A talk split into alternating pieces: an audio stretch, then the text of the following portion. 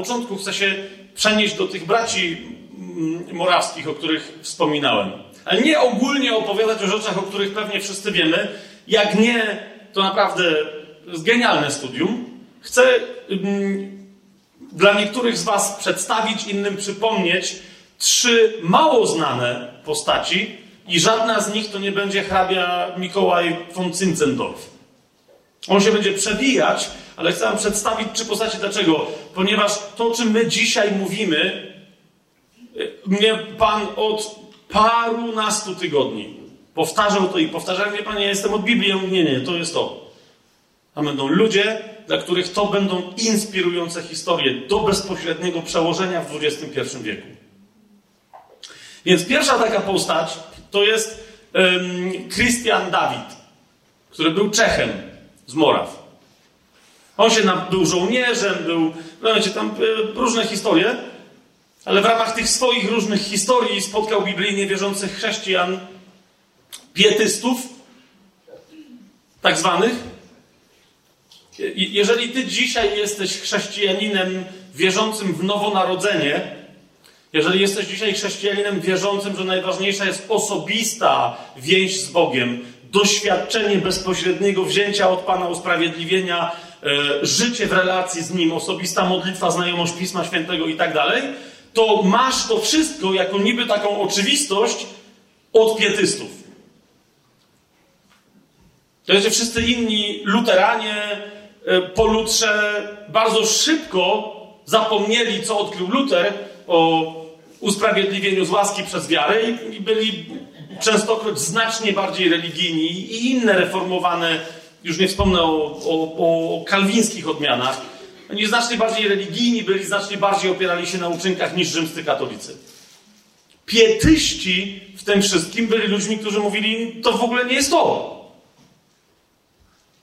I my, współczesne ewangelikalne, ewangeliczne chrześcijaństwo w zasadzie od nich się bierze. Charyzmatyczne chrześcijaństwo od pietystów się bierze. Jak ktoś wam będzie próbował zbrzydzić historię pietystów, to nie dajcie się. Jan Sebastian Bach. Nie tylko do muzyków tutaj mówię. Jan Sebastian Bach był pietystą. Jan Sebastian Bach. Czy przyjrzycie dokładnie treściom, do których komponował, ale też które pisał, to jest po prostu głoszenie czystej Ewangelii. Wielekroć której dzisiaj wielu kaznodziejów mogłoby jemu pozazdrościć, jakby tylko sprawdzili o co chodzi, a nie myśleli, że Jan Sebastian Bach wielkim kompozytorem był, tylko i wyłącznie. Jeszcze jedną rzecz muszę powiedzieć, bo, bo o, o, dzięki Ci Duchu Święty, bo, yy, bo żeby tutaj do pewnego nieporozumienia nie doszło. Hmm? Yy, jest taka koncepcja, która się rozpleniła, bardzo dobrze, że mi to Duch Święty przypomniał która ponoć z jakiejś tam książki, oczywiście amerykańskiej, pochodzi, i, mm, ale ja nie, nie czytałem tej książki, nie znam tego autora i nie znam oryginalnej koncepcji, więc potem, żeby mnie ktoś nie ścigał, nie dusił, że tam kogoś atakuje, bo nic nie atakuje, nie, nie, nie o to mi chodzi. Ale ponoć na bazie tej książki e, chodzi o mm, koncepcję po polsku zwaną siedmioma górami wpływu. Ktoś z Was kojarzy? O czym mówię? Coś? Okej, okay, jest parę osób. O, jest też świeżo upieczony tatuś. Witamy Tymoteusza. Dzisiaj, czwarta nad ranem, córka mu się urodziła.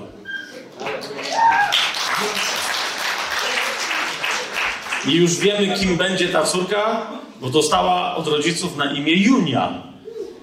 Więc wiemy, że urodzili apostoła. Okej. Okay, ym, apostołkę. Yy, zaraz to idzie. Jest, jest, nie, nie, wiem, czy to jest oryginalna koncepcja w tej książce zawarta, ale jest taka koncepcja, którą niektórzy chrześcijanie twierdzą, że się jej nauczyli z tej książki. Czyli mówią, że są różne góry wpływu. Yy, biznes, czy ogólnie ekonomia, polityka, kultura, rozrywka, mass media, wiecie o co mi chodzi, tak? I teraz, że my chrześcijanie w ramach, e, jeszcze raz powtarzam, ja nie wiem, czy taka jest idea w książce, tylko wiem, jaka jest idea, z którą ludzie do mnie przychodzą, tak? E, I mówią mi teraz, my musimy, wiesz, musimy promować powstanie ludzi w różnych zawodach przedsiębiorczych, podejmujących tam jakieś po co? Żeby zdobyć te góry. Żebyśmy te góry, które wywierają wpływ na cały świat, polityki, kultury, właśnie rozrywki, sztuki yy, i tak dalej, musimy zdobyć te góry.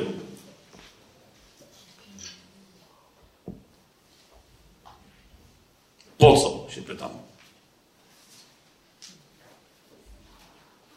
Po co mi są góry, przy pomocy których świat wywiera wpływ? Po co mi jest ta góra? Jeżeli ja mam zdobyć górę muzyki rozrywkowej, to co muszę zrobić? Muszę grać według ich reguł. Gdy tymczasem mogę mieć milion razy lepszą muzykę, jeżeli Pan chce, żebym wywierał wpływ przez muzykę i ją będę grać z wysokości niebieskich, na tą górę też. To wiesz o co mi chodzi? Nie, ja w ogóle kiedyś jednej osobie zapomniałem, ale stary, naprawdę nie, nie słyszysz? Nie, tych siedmiu gór? Nie słyszysz? Nie, to elegancka koncepcja. No fajnie, tylko że Babilon to jest miasto, które się rozsiadło na siedmiu górach.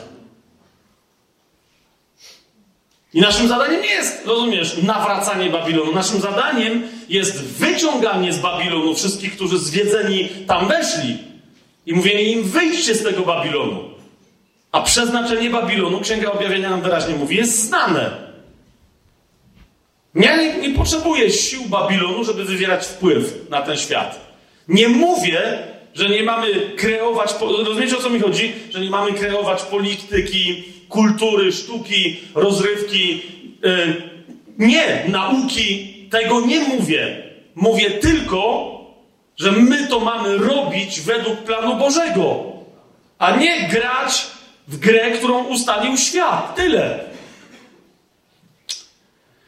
I teraz te przykłady, o to mi chodzi, że te przykłady, które chcę podać, te trzy, to według mnie są przykłady genialnego pod wpływem Ducha Świętego życia trzech tylko z naszych braci. Tych przykładów od braci morawskich można byłoby wziąć więcej, tylko że tam jest cała historia, która myślę, że jest dla nas wzorem na dzisiaj. Dla Kościoła wszędzie na świecie. Wciąż jeszcze jest lekcją, której się jeszcze nie nauczyliśmy. Więc te trzy przykłady tylko braci, których życie sądzę naprawdę w dużej mierze składało się z budowania na fundamencie Chrystusa ze złota, srebra i z drogich kamieni. I, I chodzi mi tylko o to, braci i siostro, daj się zainspirować. Dlaczego? Bo rozumiesz, bo ci ludzie, nie wszyscy, ale przynajmniej dwóch z nich byli znacznie prostsi niż ktokolwiek z nas, tu, z nas tutaj. Znacznie mniej wyrafinowani, wykształceni. Rozumiesz? Ale w, w momencie, kiedy oddali się w duchu Chrystusowi, ich perspektywy stały się niebotyczne. Znaczy, rozumiesz, nie, że sięgnęły nieba, ale sięgnęły ponad niebiosa niebios, jak mówi Biblia. Tam, gdzie Pan zasiada i skąd rządzi. O to mi idzie, żebyś dzisiaj, siostro, bracie, żebyśmy, ja też do siebie mówię, żebyśmy się dali Duchowi Świętemu poprowadzić w stronę rozmiarów interesu Jego Królestwa. Zanim wrócimy do tego, co to jest, to żebyście zobaczyli, bo to jest przykład konkretny. Według mnie to są ludzie od początku, w pewnym momencie, którzy zaczęli reprezentować Królestwo. Uczyli się, a potem nagle dotarli do momentu, gdy powiedzieli, to jest to. I wtedy ich wpływ siła ich przykładu oraz trwałość ich dzieła były nie do pokonania przez świat, przez diabła, przez cokolwiek. Więc pierwszym takim przykładem jest brat Christian Dawid z Moraw, Czech. Jak już się ponawracał, to jest początek XVIII wieku, wrócił na Morawy i zaczął tam ludziom, którzy mieli 300-letnie tradycje, niektórzy, od Jana Husa, 200 ponadletnie tradycje, głosić usprawiedliwienie z łaski przez wiarę, moc zmartwychwstałego Jezusa, ważność, ponieważ się spotkał z pietystami w Niemczech. Jako żołnierz, potem się kształcił jako cieśla, jako stolarz, Więc wrócił tam na te Morawy. Mnóstwo ludzi zostało przez niego tak zapalonych, że oni powiedzieli, ale my to znamy od naszych ojców, od naszych dziadków, przecież my wiemy. I on mówi, no to czemu to straciliście? Tylko dlatego, że się pojawiło paru Habsburgów i zaczęli nas gnębić jako biblijnie wierzących? To zejdźmy do podziemia. Pierwszy kościół tak robił. Zawsze chrześcijanie tak robili. Co będziemy ryby w takim razie rysować? No, nawet nie wiedzieli, ale rysowali co? Kielichy. Na oznaczenie. Dlaczego? Ponieważ to był znak, tu gromadzą się chrześcijanie, którzy mają całą wieczerzę. Wbrew temu, co mówi Kościół rzymskokatolicki, że tylko chlebuś do buzi, a wino się należy wyłącznie księdzu. Wbrew całej tamtej to był znak. My tu mamy i chleb, którym się łamiemy, i kielich na pamiątkę Pana. To znaczy, my tu wierzymy w pełni ewangelicznie na tyle, na ile wtedy się dało. I potem y, wrócił do Niemiec, bo tam miał jakieś tam swoje sprawy, Christian, e, a tu się dowiedział, to był jeszcze raz powtarzam, prosty cieśle, a tu się dowiedział, że w wyniku jego głoszenia jedyne co się stało, to prześladowanie, które już tam trwało, jeszcze się wzmogło, ponieważ rozsierdził wszystkich reprezentantów e, nie tylko kleru, ale zwłaszcza tych, którzy się zajmowali władzą na tamtych terenach, a którzy uważali, że elementem nadającym siłę ich władzy jest religia rzymskokatolicka. I teraz pierwsza, pierwsza lekcja. Sprawdzałem to w paru źródłach. Otóż źródła mówią, że pierwsze, czego doświadczył Krystian Dawid, to była wściekłość. Chłop się wściekł, rozgniewał i nie wiedział, co ma z tym zrobić. Pierwsza lekcja jest jaka? Mówię teraz do tych wszystkich, którzy widzą coś w kościele, albo widzą coś w świecie, widzą coś gdzieś i cię aż targa, jak to widzisz. Cały czas, jak widzisz tę jedną konkretną rzecz, jakieś zjawisko i tak dalej, i po prostu aż cię szarpie i mówisz, czy nie może wreszcie ktoś czegoś z tym zrobić? Chcesz rozpoznać swoje powołanie osobiste? Nie, nie szukaj chrześcijańskiej wróżki, która ci powie, jak będzie, wiesz, plan, Pan ci zaplanował twoje życie i tak dalej. Przyjrzyj się tym trwałym w sobie emocjom i nawet zanim się przyjrzysz pragnieniom, które tak ujawniają serce Boże w Twoim sercu, przyjrzyj się jeszcze bardziej swojemu gniewowi. Natomiast ponieważ jest różnica między nieopanowaną agresją, chęcią przemocy, jest coś innego niż tym, co jest wyrazem miłości, a to jest gniew, wtedy kiedy widzisz, że ktoś, kogo kochasz, jest gnębiony, jest okradany, jest oszukiwany, jest torturowany, jest, rozumiesz, dzieje mu się niesprawiedliwość. Rozumiecie, o co mi chodzi? Więc przyjrzyj się, co cię wścieka w rzeczywistości. Może to jesteś ty akurat, siostro i bracie. Może Pan ci już od dawna mówi. Rozumiesz? I, i, i szarpie tobą jego gniew. Przestań się zastanawiać, kto miałby się tym zająć, bo jeżeli tak tobą to szarpie, no to może ty. Kto, jeżeli nie ty, jest tym tak przejęty? Znasz kogoś bardziej przejętego? No to pomyśl. Więc Krystiana Dawida szarpnęło, tylko nie wiedział, co ma zrobić. Wrócić tam? Żeby jeszcze bardziej podsycić prześladowanie? Przecież mu chodziło o to, żeby ich uratować. I tu się pojawia postać, której nie będę dzisiaj opisywać, ale jeżeli jej nie znacie, proszę Was, siostry i bracia, przestudiujcie historię życia tego człowieka. Hrabia Mikołaj Nikolaus von Zinzendorf. Człowiek, który jest tu dodatkową postacią, ale też niezwykle interesującą, arystokrata, człowiek wpływu, polityki, kształcony i szkolony do tego, żeby być genialnym dyplomatą, z prawami do tego, żeby być sędzią na poszczególnych terytoriach itd., itd., itd. Saksończyk, który miał babkę, tak jak Tymoteusz biblijny, uczeń i umiłowany syn Pawła, który miał babkę oddaną cały, całym sercem Chrystusowi i pod koniec XVII, na początku XVIII wieku babkę nieprzejętą tym, że jej w kościołach luterańskich mówili, że kobiety nie mogą nauczać. Bogu niech będą dzięki, ponieważ nauczała i bardzo dobrze nauczała małego Mikołaja. I przyprowadziła go do Chrystusa. Nie tylko do religii, nie do religii, ale przyprowadziła go do miłości Chrystusa i wyjaśniła mu raz a dobrze na swoim przykładzie, że miłość do Chrystusa jest miłością do sióstr i braci, nie inaczej. Tenże wielce wpływowy człowiek, ze względu na to, za każdym razem jak spotykał kogoś, on sprawdzał, czy to jest prawdziwy, czy fałszywy brat. Bo sami wiecie, dzisiaj dokładnie tego potrzebujemy w kościele. Ale jak się okazało, że ktoś jest prawdziwym bratem ze swojego arystokratycznego pochodzenia, tytułu, majątków i tak dalej, nie robił w ogóle nic. To się natychmiast stawał się jak równy z równym. Mówił, co robisz, co tam się dzieje, co jeszcze w ramach tych historii, które chcę wam dzisiaj opowiedzieć, nam dzisiaj wyjdzie. Ale właśnie cieśla i stolarz z Czech, bo teraz łatwo powiedzieć i wiecie, zrobić kanonizowanego świętego z hrabiego Cyncendorfa. Ale chodzi mi o to, że mamy fakty. Cieśla jak się wściekł, że prześladują braci i siostry na Morawach, przyszedł do niego i mówi, jest problem. Ja tam mogę wrócić, mogę zaryzykować życiem, ale nie po to, żeby zginąć jak głupek, a oni, żeby dalej byli tam maltretowani, żeby znowu się przestraszyli wyznawać biblijną wiarę. Co możemy zrobić? Hrabia Zinzendorf pomyślał i mówi, czy zagrożenie jest naprawdę takie, że czy po prostu, wierzę, nie? się kłócą jak zawsze katolicy z protestantami.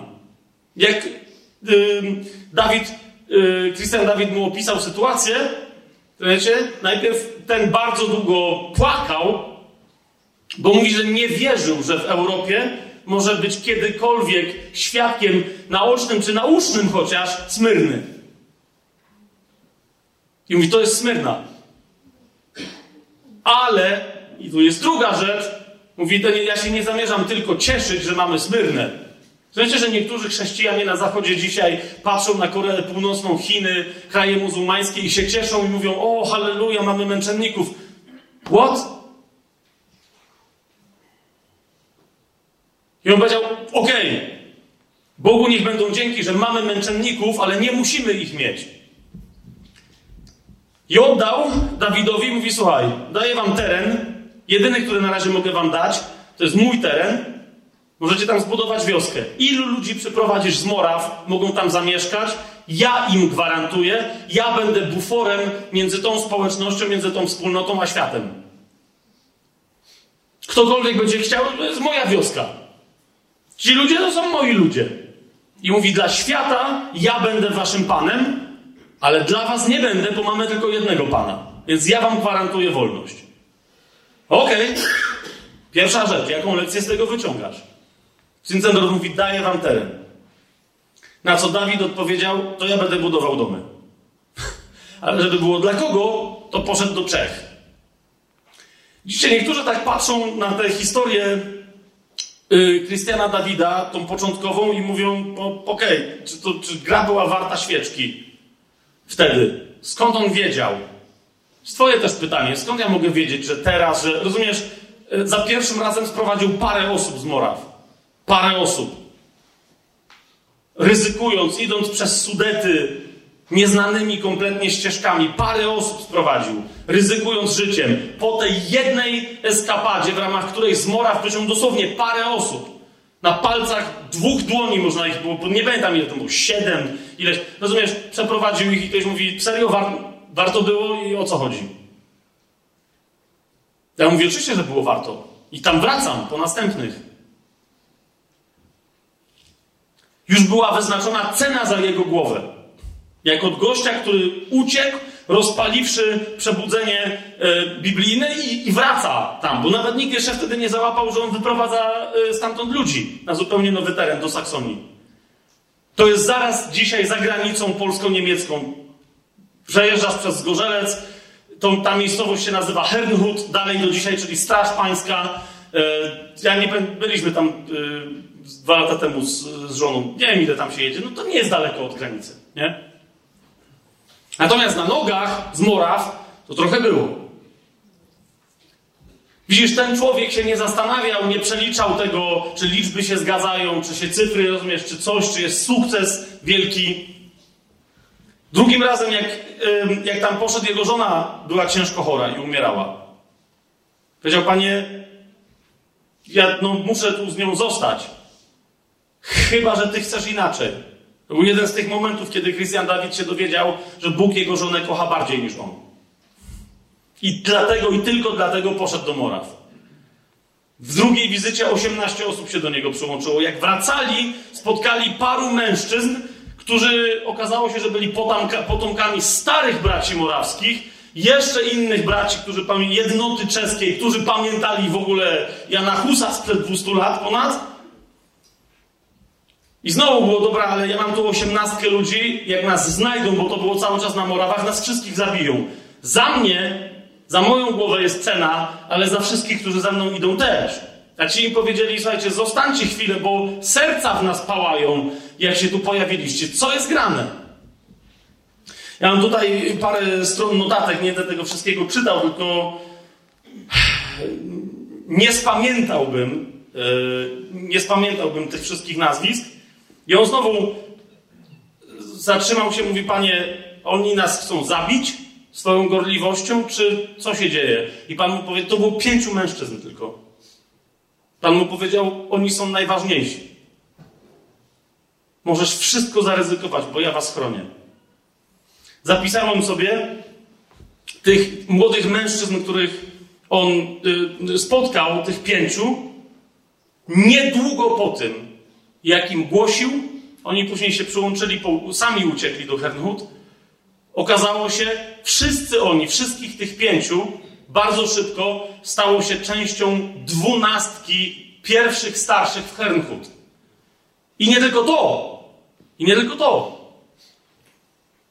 Brat Dawid Niczman, wychowy, on cały czas był na miejscu w Hernhut. Między innymi jego jedna córka stała się żoną e, hrabiego Cincendorfa. Genialne małżeństwo, nie będę teraz o tym mówił, czemu to było genialne. Jego ojciec, Dawid Niczman senior, yy, najstarszy z nich, był jednym z pierwszych misjonarzy, kiedy nikt na świecie, ani wśród katolików właściwie, ani wśród protestantów nie wiedział niczego na temat misji. On był jednym z pierwszych, który zaraz po tym, jak został starszym w Hernhut, wyjechał na misje, na których mógł zginąć, oddać swoje życie. O tych misjach zaraz jeszcze więcej opowiem. Kolejny Melchior Zeisberger został apostołem Indian Ameryki Północnej, nie tak jak wielu tak zwanych apostołów, którzy ogniem i mieczem nawracali i chrzcili, ale on był kochany przez Indian w, Pen w Pensylwanii dzisiejszej, jeszcze w paru innych stanach dzisiejszych Stanów Zjednoczonych. Jeszcze jeden John jakiś, nie, wam, nie wiem co to za nazwisko, czy angielskie, czy niemieckie, czy duńskie, potem była taka trochę międzynarodowa ekipa, był jednym z pierwszych e, kaznodziejów, który nawracał cały amerykański Yorkshire. Pięciu tylko ludzi. Rozumiecie, Niczman, dobra, zostawmy Niczmana. Christian Dawid nie liczył swojego sukcesu, czy duchowego, czy jakiegokolwiek innego po ludzku. On tylko pytał Ducha Świętego, Panie, czy to jest złoto, srebro albo drogie kamienie? Pan mu mówił tak. Wiecie, przez tych ludzi, których, którym głosił Christian Dawid, następnie nawracały się dziesiątki tysięcy ludzi. Wiem, że my byśmy chcieli słyszeć o milionach, ale pamiętajcie, to jest XVIII wiek. Wtedy liczby były inne. Ludzi było znacznie, znacznie, znacznie mniej na świecie. Tak? Nie będę dalej teraz, wiecie, tej historii Krystiana Dawida opisywać. Eee, paru nastokrotnie wracał na Morawy. Łącznie sprowadził do Hernhut tylko 500 osób. Ponieważ był cieślą i stolarzem, ściął pierwsze drzewo i zbudował pierwszy dom w Hernhut, a potem następne, bo nikt się na tym tak dobrze nie znał jak on. Dlaczego?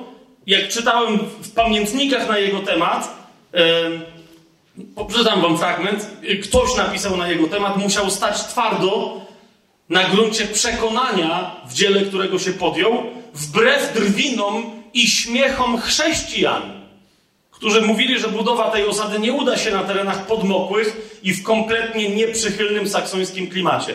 A nowo powstałe domy, które budował, że szybko ulegną zniszczeniu. Dlaczego?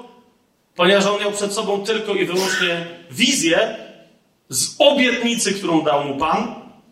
I jak sam opisał, on jedyne co widział, to rodzące się wzorcowe Boże miasto, będące pod panowaniem Jezusa Chrystusa jako Pana i Króla. Rozumiesz? Pan mu kazał i on zaczął budować. Dlaczego to jest istotne? Ponieważ Hernhut nigdy w całej historii swojego istnienia, a on je zakładał, nie Cincendorf to tylko dał ziemię. On tam budował, sprowadził tam ludzi, zbudował im domy. W Hernhut nigdy nie mieszkało więcej niż 30 tysięcy mieszkańców, z tego co pamiętam. Nigdy. Wyobrażacie sobie, że z tego miasteczka małego do dzisiaj wyjechało i skutecznie głosiło wszędzie na świecie od powstania tego miasta aż do dzisiaj ponad 800 tysięcy misjonarzy? To miasto nigdy w największym okresie swojego rozwoju nie miało 30 tysięcy ludzi. Policz sobie, to jest 18, 19, 20 wiek, bo teraz to 800 tysięcy misjonarzy. Jak? Ponieważ to miasto stało się ośrodkiem szkoleniowym.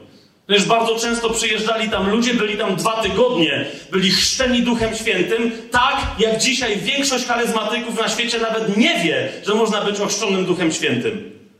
Potem dwa tygodnie przechodzili podstawowe szkolenia i wyjeżdżali na misję, tam gdzie im Pan powiedział. To nie było jedyne takie miasto, ale brat Christian Dawid dlatego że zobaczył to miasto jako wzorzec i był temu wierny, to miasto stoi do dzisiaj. Tereny bagienne i tak dalej w niczemu nie przeszkodziły. Co więcej, co więcej, on był, jak się domyślacie, też jednym z tych pierwszych dwunastu starszych Zinzendorfa dla miasteczka Hernhut. Nabył się tym starszym chyba przez półtorej roku. I jak Pan powiedział, że ma zupełnie naród, o którym nie, wielu nawet nie wierzy, że istnieje, chodziło o Inuitów, których wtedy bezczelnie w Europie nazywano Eskimosami, to on pierwszy powiedział, mówi, a oni mają miasta? Ktoś mówi, no stary, mają miasta z lodu. I mówi, no to ktoś im musi zbudować miasto. I pojechał na Grenlandię. Rozumiesz? Dostał funkcję, ktoś by powiedział, pozycję kościele w Hernhut, miasto, teren. Wyobraź sobie dzisiaj. Rozumiesz, o co mi chodzi? Jak niektórzy marzą o tym, żeby kaplickę wybudować na 150 osób i to jest sukces. A tam miał całe miasto. Ale on słuchał Pana. I po co ja to miasto zbudowałem? To jest wzorzec. Jeżeli się zastanawiacie, cóż on tam zrobił na Grenlandii, otóż, otóż na Grenlandii, jak dokładnie to samo. Przyjechał, to był cieśla. Więc ja jestem cieślą. Za każdym razem, jak brał siekierę do ręki, ścinał pierwsze drzewo, żeby zbudować pierwszy dom. Za każdym razem, bo to, bo to było, rozumiecie, to się działo non-stop. Powtarzał słowa psalmu 84, czwarty werset. Nawet wróbel znalazł domek, a jaskółka gniazdo dla siebie, gdzie składa pisklęta swoje. Tym są ołtarze Twoje, Panie zastępów, Królu mój i Boże. Ścinał drzewo, budował dom, w którym wiedział, że będą mieszkać chrześcijanie jako co? Jako ołtarze pańskie. Rozumiesz? Wy przyjechał na Grenlandię, sam prawie że, naprawdę, zbudował coś, co się nazywało Nowe Hernhut. W skrócie Nut, dzisiejsza stolica Grenlandii. Nasi zbudowali. Dlaczego? Ponieważ jak się okazało, że on buduje, jeden, drugi, trzeci, czwarty, piąty scout Inuitów przybył i zaczął się orientować, co tu się dzieje, będą z nas teraz niewolników robić. Jak się okazało, że on nie widzi żadnej różnicy między Eskimosami a nie Eskimosami, to oni zjawili się tłumnie. Zaczęli się osiedlać, słuchać Ewangelii, nawracać się. To był jeden z pierwszych ruchów, który spowodował, że bracia morawscy zostali nazwani heretykami, odszczepieńcami. Niektórzy wręcz nazywali braci morawskich satanistami, dziećmi antychrysta, którym był Zinzendorf. Dlaczego? Ponieważ traktują niebiałych jak ludzi. Jak myślicie, kto ich atakował w ten sposób? Kościół katolicki? Nie. Serdeczni bracia protestanci. Jakże to głosiliście Eskimosom? Tak. I ochrzciliście ich? No tak. I teraz macie normalnie przy jednym stole wieczerze? No to dlaczego nie? Szatan? Tylko szatan może na coś takiego wpaść. Rozumiecie, jak nie bawią chrześcijanie dzisiaj, na przykład w Stanach Zjednoczonych? Przepraszam, ale nie bawią, jak nagle dzisiaj odkrywają, że czarni są tak samo wartościowi jak biali. Pojedźcie do Herrenhut. Zobaczcie, jeden z najstarszych obrazów, jakie tam, jakie tam zobaczycie, bo tam są jakieś takie muzealne części swobodnie dostępne. Zobaczcie, to jest sensacja, to szoker. Masz z połowy XVIII wieku obraz przedstawiający społeczność braci morawskich, jednoty morawskiej w dzisiejszych Stanach Zjednoczonych. To jest XVIII wiek, jeszcze Stanów Zjednoczonych nie było, tylko kolonie brytyjskie tam. I co masz? Kobiety i mężczyzn usługujących w czasie jednego nabożeństwa. Madzia, pamiętasz to? Tak jak ci powiedziałem, i patrz co się dzieje. I Madzia tak, na środku kto stoi? Baranek z przebitym bokiem, z którego płynie krew. I wszyscy, którzy tam są zgromadzeni, piją, śpiewają, czytają Biblię, mężczyźni i kobiety. Biali? Nie biali. Czarni, ponieważ Morawianie wyzwalali niewolników, bo uważali, że co znaczy niewolnik, co znaczy czarny? Indianie wszelkiej maści, Eskimosi i tak dalej. Rozumiesz, masz coś, co dopiero dzisiaj dla niektórych chrześcijan jest wstydem, żeby wyśmiać, lub jest wstydem, żeby się nie oburzyć. O, czy nie za ostre multikulti. To był XVIII wiek, połowa.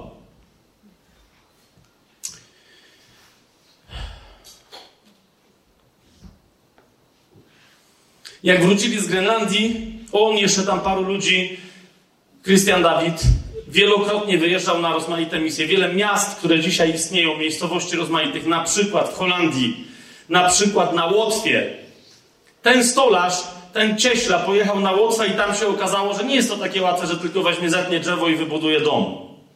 Co w związku z tym zrobił? Poprosił Pana, będąc uczciwie ochrzczonym w Duchu Świętym człowiekiem, to on się może modlić różnymi językami, ale on potrzebuje mówić po łotewsku. Nie wiem, czy ktoś z próbował się uczyć łotewskiego. Ja kiedyś próbowałem się uczyć słuchania łotewskiego, bo nie mogłem powtórzyć po człowieku, co on tam gada. Sylaby jakieś. I co? I nauczył się. I na Łotwie dzisiaj istnieje wiele miejscowości, które dokładnie Christian Dawid zbudował. W mnóstwo podróży misyjnych za każdym razem przyjeżdżał i mówił: Ja jestem cieślą, ja jestem tylko cieślą. No tylko bracia morawscy się uśmiechali i mówili: Jasne, że jesteś. Widząc, jak Pan jest łaskawy dla niego, prostaka z Moraw, jedną z rzeczy, którą zaczął robić i powiedział wyraźnie braciom morawskim, że nie ma takiej możliwości. Kobiety i mężczyźni tak samo wartościowi. Czarni, biali, żółci, czerwoni tak samo wartościowi. I on mówi, to czemu w takim razie traktujemy dzieci jak debili? I to był człowiek, który zapoczątkował wśród tych chrześcijańskich społeczności co kształcenie od małego w czytaniu, w pisaniu, w liczeniu małych dzieci. Do dzisiaj, jak sobie sprawdziłem, e, istnieje cały system szkół, szkół podstawowych na świecie, który się nazywa Christian David Moravian Primary Schools. Kilkaset przynajmniej poważnie, elegancko działających szkół dla biednych dzieci z wykształceniem podstawowym, które wychodzą często z tych szkół lepiej wykształcone niż inne dzieciaki po high school amerykańskiej czy szkole średniej polskiej. Taki gigant jak John Wesley, nie wiem czy kojarzycie takiego chłopaka, przebudzenie metodystyczne Wielkiej Brytanii, od czego się zaczęło? Że on w pewnym momencie, widząc Morawian właśnie na misjach w koloniach brytyjskich i tak dalej, powiedział, ja chcę mieć to, co oni mają, bo ja nie wiem, co się tu dzieje. Myślałem, że jestem święty, doskonały, a to jest nędza. Wystarczyło, że w ramach sztormu walnął piorun, czy co tam, w maszt, wszyscy spanikowali, tylko bracia morawscy, którzy płynęli na tym samym okręcie do kolonii brytyjskich, tylko bracia morawscy nawet na sekundę nie przerwali, tylko śpiewali swoje kazanie uwielbieniowe. Nawet na sekundę. I ten panikował, mówi, o, możemy się utopić, jak tu się ratować, nagle zauważył, a tam ci dalej siedzą i śpiewają. Jesteśmy w rękach Pana. Halleluja. Ja mówię, nie, to zaraz, to ja, ja tego nie mam. Więc w końcu pojechał, od, odwiedził Zinzendorfa, ale którego nie było w Herrenhut, John Wesley.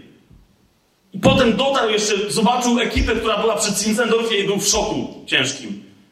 Mówi, przy nim jest tylko mała społeczność, 25 mężczyzn i paru, parunastu kobiet. Mówi, ale oni mówi, jak czytam w dziejach apostolskich, że to są ci, którzy wywrócili świat do góry nogami, mówi, to oni właśnie wywracają świat do góry nogami. Mówi, widzę dzieje apostolskie na moich oczach. Po czym John Wesley pojechał do Herrnhut, bo Zinzendorf mówi, słuchaj, my tu, wiesz, troszeczkę jesteśmy tacy nieogarnięci duchowo. Tam jest nasza ekipa, tam jedź. I wśród niedługich notatek, to będzie ostatni, ostatnia rzecz, jaką wam przeczytam na temat Krystiana Dawida. John Wesley w swoim pamiętniku, który e, krótki czas tylko spędził w Herrnhut, bo tam mu pan powiedział, to nie jest twoje miejsce, wynocha stąd. I on by tego nie przyjął, bo mówi, że się tam czuł jak w raju. To było moje marzenie, żyć dziejami apostolskimi. Tu jestem we wsi, która żyje dziejami apostolskimi. Pan mu powiedział, no to fajnie, to już. Już się nauczyłeś od nich, to idź stąd. I teraz, co napisał w swoim pamiętniku, co na niego wywarło największy wpływ? To są zapiski Wesleya z 1738 roku. Napisał, kiedy odbyłem pamiętną wizytę do Herrnhut, pod największym wrażeniem to ja byłem potężnego kazania wygłoszonego przez pewnego pobożnego stolarza, o którym powiedzieli mi, że głosił ci on Słowo Boże do Eskimosów, będąc na misji w Grenlandii. Co ja mogę powiedzieć, to że był on niezwykle znający Boga i że posiadał z nim bardzo bliską relację. Kto to był, zapytacie? To był Christian Dawid, stolarz, przez swoich przyjaciół i tylko przez nich nazywany sługą Pana. Nikomu innemu nie pozwalał. Kim ty jesteś, pytam się ciebie, siostro? Kim ty jesteś, bracie? Rozumiesz, masz stolarza i zobacz, jakie to są perspektywy. To już chłop odwiedził, pływał przez morza, zakładał miasta. Dlaczego? Ponieważ reprezentował interes króla. I wszędzie, gdzie się pojawiał, wiedział, że nie ma sensu robić nic innego, tylko wprowadzać królestwo. Od kiedy Christian Dawid był takim sługą pańskim? Toż widzicie, jak sprowadził pierwszych ludzi w 1722 roku z Moraw do Herrnhut i potem zaczął sprowadzać następnych i następnych. Jest jeden epizod, o którym muszę powiedzieć. To jest niezwykle istotne jeszcze przy okazji tej postaci. Otóż przy pierwszych trzech zamieszkanych domach w Herrnhut, jak tylko Morawianie poczuli wolność, że naprawdę nie ma prześladowania, powstały trzy denominacje trzy kościoły domowe, które się zaczęły zwalczać. Im więcej Morawian zaczął sprowadzać Christian Dawid do Herrnhut, tym więcej powstawało denominacji. Naprawdę w pewnym momencie jedni na drugich ciskali gromy, na przykład, bo jedni w domu przywieźli y, skądś tam spoza Saksonii organy, a drudzy mówi, że nie wolno śpiewać z organami. To jest szatan, to jest antychryst, to jest o byle co. Wszyscy. Jak Zinzendorf Powiedział, że ej, bo tam przyjadę do was, bo co, nie wiem, co się to dzieje. Nie po to wam dałem wolność, żebyście się teraz zabijali bardziej w duchu, niż tam was w Morawach zabijali w ciele. To Christian Dawid pierwszy, zanim jakikolwiek luteranin to uczynił, to Christian Dawid nazwał hrabiego Zinzendorfa bestią apokaliptyczną. Takie miał rozeznanie duchowe. I tutaj na chwileczkę przeskoczę do hrabiego Zinzendorfa, żeby cię zachęcić, siostro i bracie, żeby przeczytać jego nieco życiorysu. Otóż co zrobił w zamian za to Zinzendorf? Przyjechał i powiedział, o wy chamy bose. Ja was ratuję przed Habsburgami katolickimi. Ja stawiam karku, daję gębę i cały PR swój hrabiego Zinzendorfa. Żebyście wy mi się tak odpłacali, że publicznie nazywacie bestią? Jak myślicie, tak zrobił hrabia Zinzendorf? No nie. Tylko przyjechał, zrezygnował z funkcji dyplomatycznych, z innych funkcji państwowych niemie y, niemieckiej Rzeszy, które, miał, które mu przynosiły dużo korzyści, zrezygnował z tego wszystkiego, powiedział, nie, dopóki tego nie wyjaśnimy, to ja nie mam, nie ma sensu, żebym cokolwiek innego w życiu robił. Przeniósł się na stałe do wsi Hernhut, gdzie wszyscy go nienawidzili, że im dał wolność. Zaczął chodzić od domu do domu. On miał prawo. Siadał z rodziną, modlił się, pytał, co jest grane, o co chodzi, kto, dlaczego, co się stało, kto komu co jest winien, kto komu co zarzuca. I tak chodził dwa lata, rozumiesz, po kolędzie. Od domu do domu, od domu do domu, potem znowu, potem znowu, potem znowu. W cierpliwości, słuchając obelg na swój temat chrześcijańskich, a jakże oskarżeń, ile to zwiedzeń przeżył w swoim życiu, chociaż nikt go prawie nie znał. Koniec końców, kochani, w sławnym 1727 roku, pięć lat po tym, jak pierwsi Morawianie się tam sprowadzili, koniec końców udało mu się doprowadzić do podpisania przez wszystkich mieszkańców Hernhut zgody braterskiej, tak zwanej. Czyli ustalił to, co na przykład dla nas w diakonii jest podstawową kwestią. Mówi, najważniejsze rzeczy, w najważniejszych, fundamentalnych rzeczach jedność, w drugorzędnych wolność, a we wszystkim miłość. Rozumiecie? We wszystkich pismach morawskich, jak sprawdzałem, jak, jak yy, to wydarzenie, do którego się teraz odniosę, jak oni je nazywają, ja myślałem, że to będzie jakieś. Nie, oni mówią, kiedy we wszystkich pismach tego dnia, tego dnia, kiedy wreszcie nauczyliśmy się kochać. Co się stało? Hrabia Zinzendorf wszystkich zebrał w jednym miejscu. Do dzisiaj jest tam to miejsce. Tam się swobodnie mieści ponad tysiąc osób. Z masa siedzeń, ławek, jeden stół na środku. Śmialiśmy się, że tajemny plan kiedyś tam będziemy robić. Zebrał wszystkich, żeby podpisali, że się zgadzają. Które rzeczy są pierwszorzędne, w których musi być jedność. Które są drugorzędne, a więc dają innym prawo, żeby się nie zgadzać. Oraz, że we wszystkim miłość. Teraz jak mieli podpisać, to skutkiem podpisania tej, tej zgody braterskiej i decyzji kochamy się, choćby nie wiem co, przestrzegamy tego, miała być wspólna wieczerza. Wszystkich, wszystkich, wszystkich. Podpisali to, zaczęło się coś dziać w momencie, kiedy rozpoczęli wieczerzę, w zasadzie nie mogli jej dokończyć, ponieważ stąpił na nich Duch Święty z większymi manifestacjami niż są opisane w dziejach apostolskich w drugim rozdziale. Rozumiecie, to nie, by, mniej więcej rozumiecie, to nie byli charyzmatycy. Wiecie, którzy się nasłuchali, naoglądali w YouTube, oni nie wiedzieli w ogóle, że coś takiego.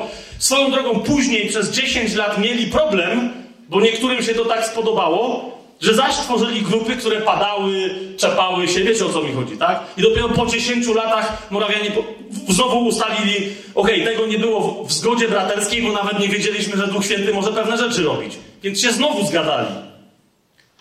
Ale Duch Święty na nich stąd, rozumiecie, zaczęli mówić na językach, zaczęli prorokować, mieć wizje, które się spełniały i jedna z pierwszych rzeczy, jaka się zrodziła w ich sercach, to było co? Wyruszyć aż na krańce świata, żeby głosić wszędzie zwycięskie królestwo, które nadchodzi. Teraz zrozumcie, my dla nas dzisiaj no, misjonarze są wszędzie. Rozumiecie, że po pierwszych misjonarzach, którzy odnosili pierwsze sukcesy na dowolnych misjach, Następni ewangeliczni misjonarze, pierwsi, wyjechali dopiero 50 lat później po Morawianach. 50 lat się przyglądali serio? Coś z tego będzie? A Morawianie, jak ci nasi bracia opisani jako przykład wiary w 11 rozdziale listu do Hebrajczyków, byli zabijani, torturowani, przeżynani piłą, mordowano ich żony i dzieci, mordowano ich mężów i wnuki i synów. I tego rozumiecie? I jechali, i jechali, i jechali. Gdzie zabici, gdzie zabili jednego, tam przyjechało trzech na to miejsce. Gdzie umarło z choroby, bo ktoś się zaraził malarią, czymś tam i tak dalej, tam przyjeżdżało, jak sami piszą, dziewięciu na to miejsce. Ale zauważ, co było najpierw. Oni nie mówią tego dnia w tych wszystkich starych dokumentach, tego dnia, gdy zstąpił na nas Duch Święty. Tylko mówią tego dnia, kiedy wreszcie nauczyliśmy się kochać. Co się stało? Duch Święty, uważajcie na to, nie zstąpił na nas. Duch Święty objawił światu, że w nas mieszka. Czujecie to? Nie wiem, jakie są Twoje przekonania, siostro, jakie są Twoje przekonania teologiczne, jakieś tam bracie, rozumiesz? Ale, jak pisze Paweł do Koryntian, mówi, to jest wiedza. Jeżeli tam nie ma miłości, to jeszcze nie wiesz tak, jak wiedzieć należy. To już dzisiaj Kola też mówił. Jak już mówimy o misjonarzach, chociaż dopiero co przedstawiłem Krystiana Dawida. Wiecie, Krystian Dawid był jednym z tych, który musiał się upamiętać. Popatrz, sprowadził kilkuset Morawian do Hernhut, a następnie prawie żeby odpadł. Dlaczego? Ponieważ sam Cincendorf nazwał go Mojżeszem Morawian. I on się tak poczuł. A potem do niego też dotarło, że jeszcze nic nie wiem. Ja po prostu muszę zacząć kochać moich braci, kochać moje siostry, a nie cwaniakować, że skoro coś dla nich zrobiłem, ryzykując własnym życiem, to teraz mi się z tego powodu coś należy. Co ty na to? Druga postać, którą wam chcę przedstawić, to jest Leonard Dober. To był jeden z pierwszych, było dwóch takich, ale to na tym jednym chcę się skupić. To był jeden z pierwszych, który został wysłany z Hernhut. Jako jeden z pierwszych się zgłosił. Przyszedł sam do Hernhut, nie był, on nie był Morawianinem, przyszedł sam do Hernhut w 1725 roku, a więc jeszcze przed tą całą kontrowersją przyszedł tam, bo wiecie, wolność chrześcijan i tak dalej i wlazł na co? Na milion pięćset podziałów denominacyjnych wśród 500 wierzących. Ale brał udział właśnie w tym doświadczeniu zasłania Ducha Świętego. I teraz znowu pojawia się hrabia Zinzendorf. Leonard Dober przyjechał do Hernhut, coś tam robił, a hrabia Zinzendorf gdzieś tam się plątał, jak to on, wiedziony Duchem Świętym, i spotkał w Kopenhadze, odwiedzając tam mm, kogoś w Danii, spotkał biblijnego chrześcijanina, który był dopiero co wyzwolonym niewolnikiem z Karaibów, z Wyspy Świętego Tomasza, któremu się tam jakoś udało wydobyć tak dalej, oddał swoje życie Chrystusowi. Dlatego Cincentor, rozumiecie? On, on, mówi, że wszedł tam na jakimś dworze, był jedna z pierwszych osób, podszedł, podchodzi do niego i mówi, kim ty jesteś? Ja mówi, ja jestem służącym. Ja mówię, nie, nie, nie. Zamknij japę, nie gadaj mi tych historii, które wszyscy... Kim ty jesteś? Wierzysz w Jezusa? Się okazało, że to jest biblijnie wierzący, ale przestraszony były niewolnik. Tak? I syn Zendor mówi, Duch Święty mi się nie pokazał. Mówi, o co chodzi? Co jest? Wytłumacz mi, co tu się dzieje. I on mu opisał, jak żyją niewolnicy na Karaibach. Wykorzystywani przez protestanckich właścicieli. Holendrów i innych. Co wtedy zrobił Zinzendorf? Zrobił wszystko, żeby zabrać tego brata ze sobą, dopiero co wyzwolonego niewolnika, gdzie? Do Hernhut, do jeszcze innej miejscowości braci morawskich w Seksonii, bo stwierdził, nie wiem za bardzo o co chodzi, ale o to chodzi, o co tu chodzi, o co nie wiem o co chodzi. Więc przywiózł go, on też nie bardzo wiedział, mówi, no nawróciłem się, Pan Jezus żyje, halleluja. A cała reszta, cała reszta to jest dramat. Zaczął im opowiadać o życiu niewolników, o tym, jak się nie da tam wejść z niczym. Czy jesteś księdzem, pastorem, biskupem, papieżem, księżną Mołdawii, nieważne. Po prostu, to jest właściciel, jego niewolnicy nie ma wejścia. Leonard Dober po jednym wysłuchaniu tego brata stwierdził, że ja po to do Hernwood przyjechałem, żeby jechać na Karaiby.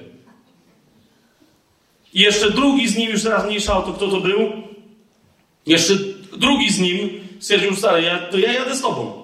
Cała wspólnota z Herdwood, pomimo wylenia Ducha Świętego, stwierdziła, jakbyście jakąś, nie wiem, jakąś prostszą historię znaleźli. Tak jak dawniej, Grenlandia, jakby coś, nie? otwarty teren, a tam będziecie musieli walczyć z systemem. Kolejna rzecz. Jaki system może ci zagrozić? Mówią, my jesteśmy posłani, nie żeby walczyć z tym systemem. Pan chce tam dokonać swojej sprawiedliwości. Szukajcie najpierw Królestwa Bożego i Jego sprawiedliwości. Wszystko inne będzie wam dodane.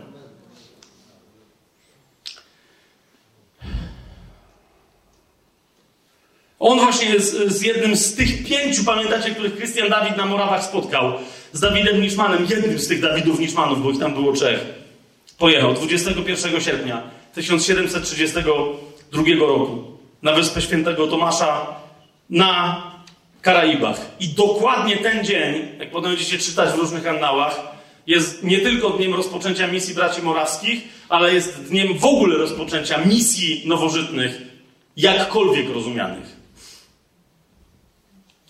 Tylko, że zanim do tego doszło, oni byli, wiecie, napaleni, będą uwalniać niewolników i tak dalej, ale najpierw musieli na nogach przejść Wyobraźcie sobie na nogach przejść do Kopenhagi, bo trzeba było stamtąd jechać specjalnym okrętem z przepustką i tak dalej, e, ze Zgorzelca albo z Legnicy. Najpierw na nogach tam musieli dojść.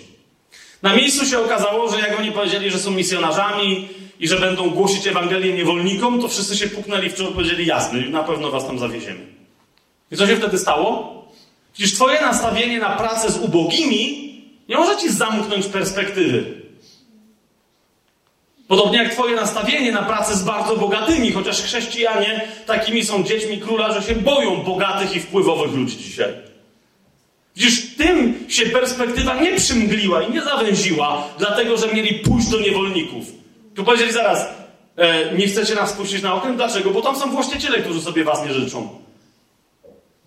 Głównie należący do tak zwanych y, misji Indii, e, misji handlowych Indii Zachodnich, bo tak się nazywało wtedy Karaiby. No okej, okay, to w takim razie kto mógłby cokolwiek zrobić w tej sprawie? nie, musielibyście chyba do królowej pójść. O, bardzo dobry pomysł. Wiecie, goście, którzy szli na nogach z południowej Saksonii, szli na nogach do Kopenhagi, którzy mieli pracować jak szmaciarze ze szmaciarzami. Dlaczego? Bo taką dostali misję w Hernhut. Czytam teraz dosłownie. Macie czynić wszystko w duchu Jezusa Chrystusa. Co to znaczy? Żyć tak jak oni. Jak kto? Jak niewolnicy. Zarabiać na swoje utrzymanie, służyć im, nie oczekując, że szybko nawróci się wielka liczba osób. Czemu? Bo Pan Jezus jest tym, który już przygotował serca tych, co mają uwierzyć. Waszym zadaniem jest tylko te serca znaleźć, a oni będą pierwszymi owocami naszej misji i będą ją kontynuować dalej. To znaczy oni wiedzieli, że jak tam pojadą, mieli misję z góry, to było powiedziane w duchu, to było proroctwo, nie będzie wielkiego sukcesu.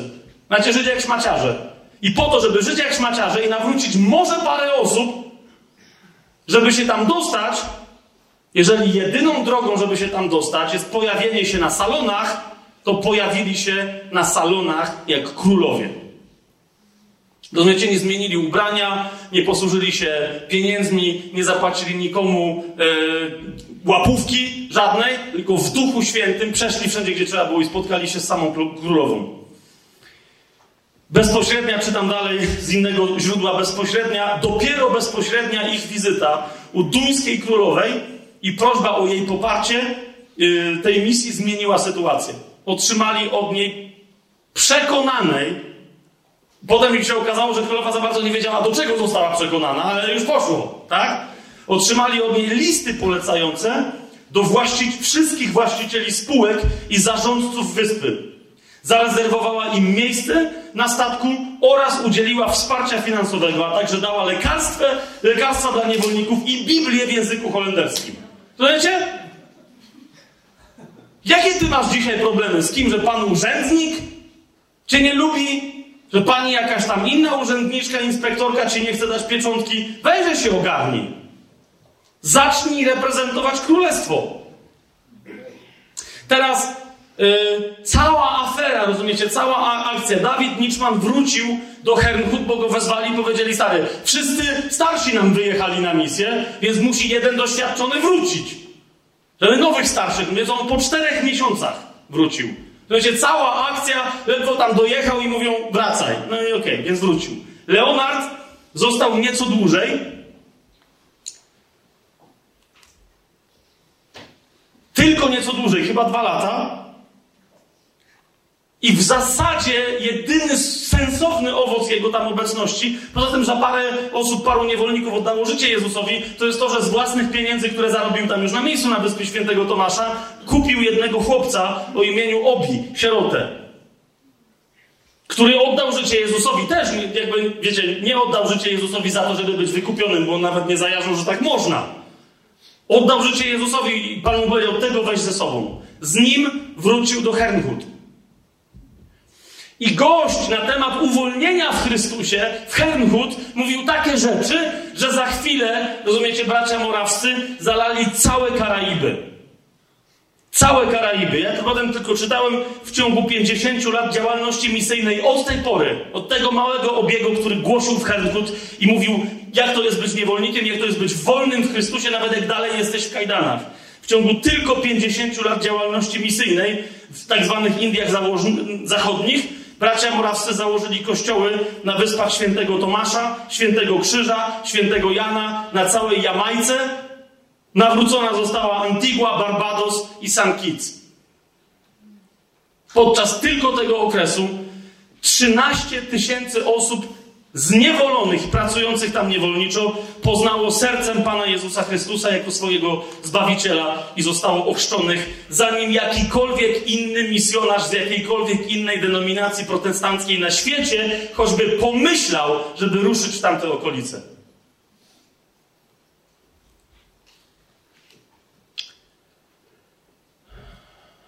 Jak brat Leonard wrócił do Herrnhut, przez jakiś czas był starszym, potem poprosił, żeby go zwolnić, ponieważ powiedział, że jest pewna grupa ludzi, która się ma gorzej niż niewolnicy na Karaibach, żeby być odesłanym do tej grupy, ponieważ chce im głosić Ewangelię. W wtedy powiedzieli człowieku, szaleństwem było jechać na Karaiby, ale to jest samobójstwo. I on powiedział, właśnie jakby chciałbym. Gdzie pojechał? Na misję? Do Holandii. Z solennym postanowieniem, że będzie głosić Ewangelię tylko i wyłącznie Żydom. Teraz zrozumieliście. Ja też, jak to myślę, do Holandii, aha. Ale między innymi głosił też w Inflantach, także w polskiej części yy, i na Śląsku. I teraz docieramy do trzeciej postaci, która tu być może, że niektórych najbardziej zachwyci, jakby do tej pory było mało, mianowicie do brata Abrahama Düringera. To był zaś człowiek z rodziny mieszczańskiej, ze Strasburga, od samej młodości wychowywany na samorządowca, a potem uważajcie, na biznesmena. XVIII wiek. Pracował z ojcem głównie w działalności handlowej i pobierał nauki w największych ośrodkach handlowych wtedy e, naszej cywilizacji w Alicante, w Amsterdamie, w Bazylei i w Nancy.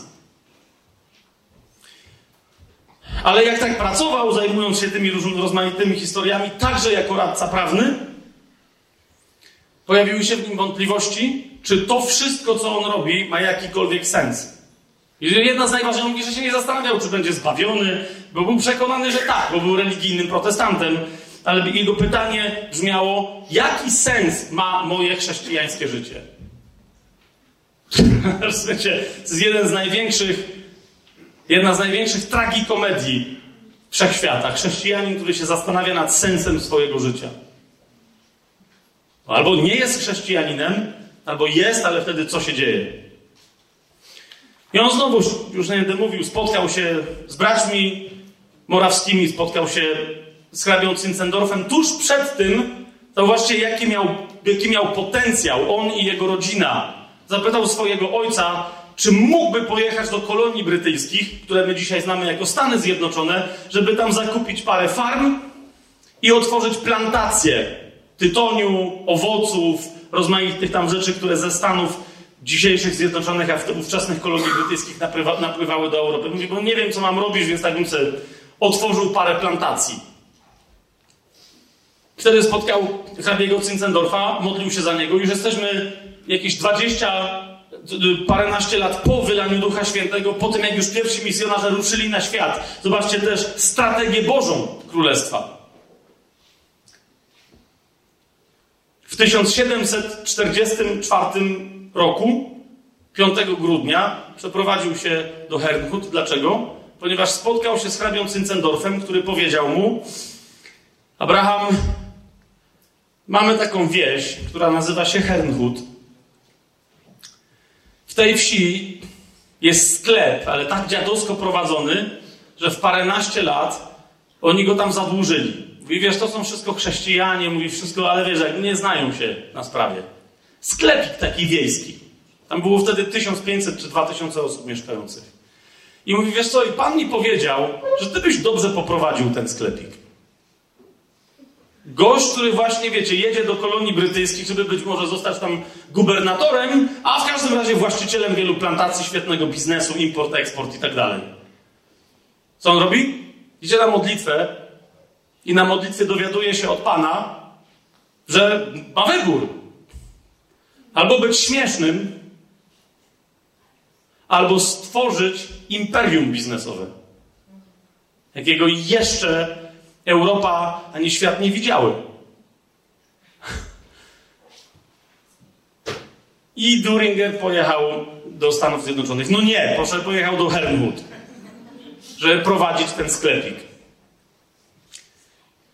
W ciągu czterech lat wyprowadził, jak się okazało, z ciężkich długów ten sklepik, ale wiecie o co mi chodzi? Fajnie powiedzieć, potem wiemy, co się działo. Cztery lata, rozumiesz, jesteś z genialnej rodziny, bogatej, z koneksjami, możesz robić wszystko w świecie biznesu wtedy. Cztery lata wyprowadzasz wiejski sklepik z długów.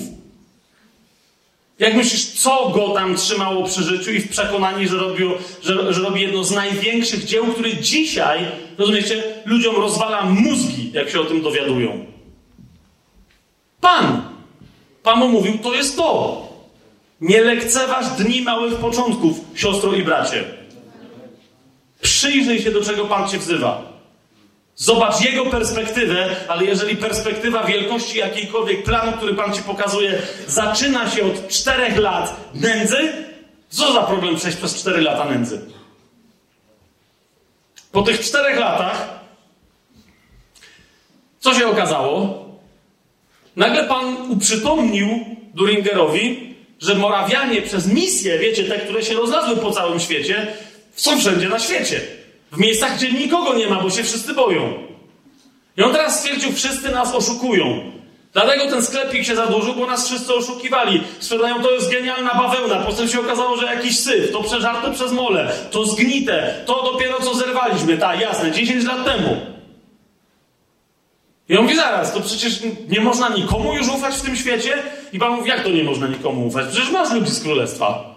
Kogo? No braci i siostry, którzy są wszędzie na świecie. I chłop, rozumiecie?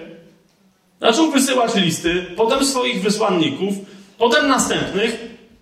Ci jak przyjeżdżali w rozmaite miejsca, gdzie wiecie, były plantacje i tak dalej, nie pytali plantatorów, co mają do sprzedania, ale pytali kogo? Będących na miejscu od dawna braci morawskich. Ci przyjeżdżali z Hertmut i Hertmut, jest, to przywieźliście. Mamy nowe cztery zdania od Hebiego Zinzendorfa. Jest! To był taki jakby YouTube, no nie? Z opóźnieniem. A co wy, o co chodzi? No wiesz co, bo szukamy, chcemy trochę porobić na miejscu, jakby macie jakieś materiały? Nie mamy, mamy tylko, nie mamy, no, ale mamy tytoń, mamy owoce, mamy to, mamy tamto. I teraz w ciągu paru następnych lat Wiecie, powstało niewidziane do tej pory chrześcijańskie imperium handlowe. Zarządzane ze wsi Hermut gdzie zasiadał brat Abraham Duringer za ladą i sprzedawał ciastka. Czy tam sznurówki, no co tam było w takim sklepie, tak? Ciastka to tam ze wszyscy sami robili. I powiedziałem o jednej rzeczy, bo czekałem do tego momentu. Eee, bo to nie było tylko to. Zaraz jak tylko sprawy się zaczęły wyjaśniać, Wiecie, dzisiaj idziesz do sklepu, niektórzy uważają, że taka jest sytuacja, to jest normalna sytuacja. Idziesz do sklepu, kto z was ostatnio targował się w Zarze? Albo jest, halleluja. Jest uczciwy, stary duch chrześcijański. Ale większość dość heretyczką trochę, wiesz. Nikt się, w Zarze. Albo w normalnym spożywczym, no nie? Po ile jest ta śmietana? 7,50. A jakby tak, mm, nikt się nigdzie nie targuje. Wiecie, kto to wprowadził? Herdwood. Bracia Murawscy. I zmasakrowali cały rynek. Wszyscy, wszędzie z wszystkimi o wszystko się targowali i się oszukiwali. A Herdwood powiedziało, albo kupujecie od nas rzeczy, sprowadzali surowce, potem je przemieniali, szyli ubrania. To, nawet mi się nie chce tego wszystkiego opisywać. Potem sprzedawali. I od razu było, no to my się ten nie, nie Cena jest taka, ale może gdybym... Cena jest taka, ale, ale cena jest taka. Hermhut się nie targuje. Bardzo szybko cała Europa się nauczyła, że Hermhut ma uczciwe ceny, dlatego się nie targowali. Nie chcieli zarobić jak najwięcej. Chcieli zarobić tyle, żeby było sprawiedliwie, dając absolutnie najlepszy towar w Europie. Bo to było chrześcijańskie przedsiębiorstwo, wiele przedsiębiorstw. W Saksonii, tylko i wyłącznie w Saksonii, bracia Moraw, w sensie Helmut, to przedsiębiorstwo brata Abrahama Düringera, tylko w Saksonii w pewnym momencie zatrudniało ponad 20 tysięcy osób. Rozumiecie? Ludziom się zaczęło dobrze żyć.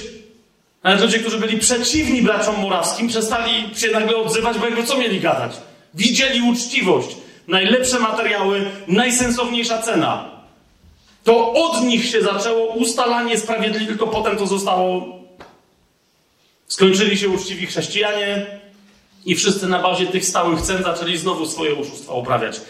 Ale ci wtedy, XVIII-XIX wiek, nie było niczego porównywalnego w sensie jakości, właściwych cen i uczciwości, jak to, co robili bracia morawscy w jednym przedsiębiorstwie zarządzanym przez jednego Abrahama Düringera.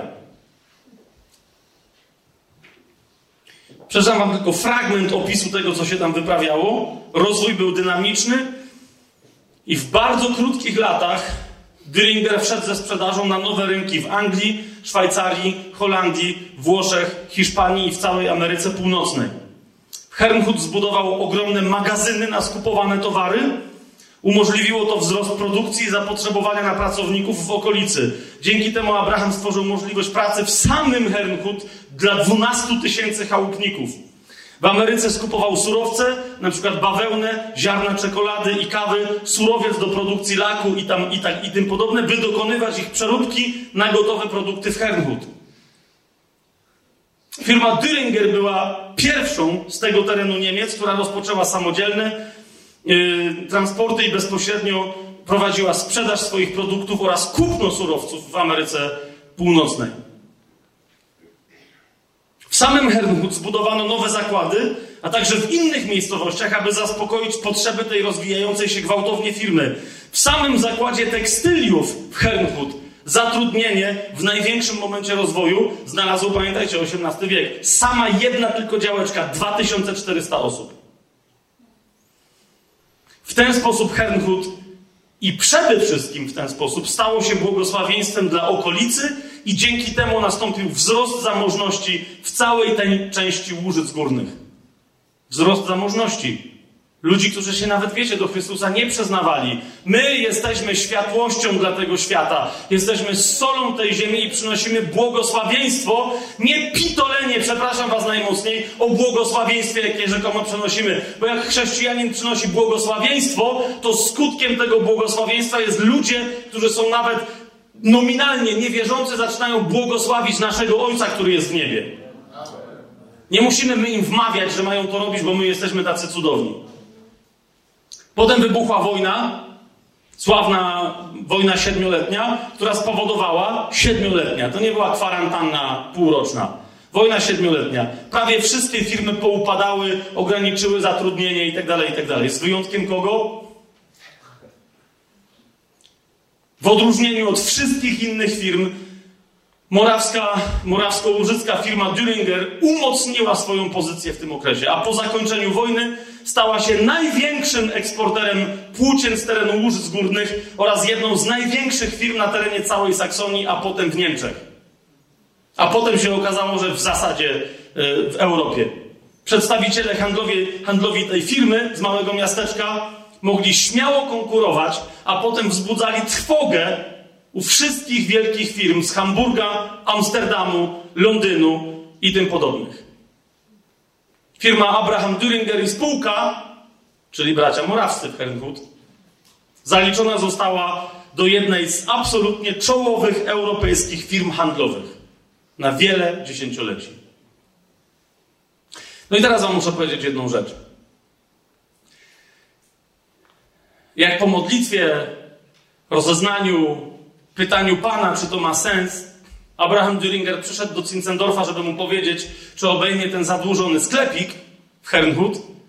Przyszedł i powiedział: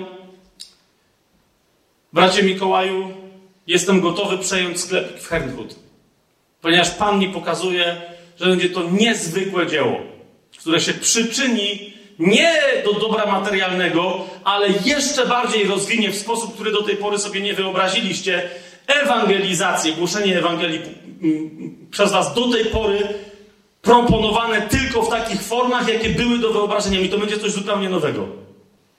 Mikołaj mówi halleluja, czyli zgadzasz się, a Abraham Düringer powiedział mu zgadzam się, ale pod jednym warunkiem.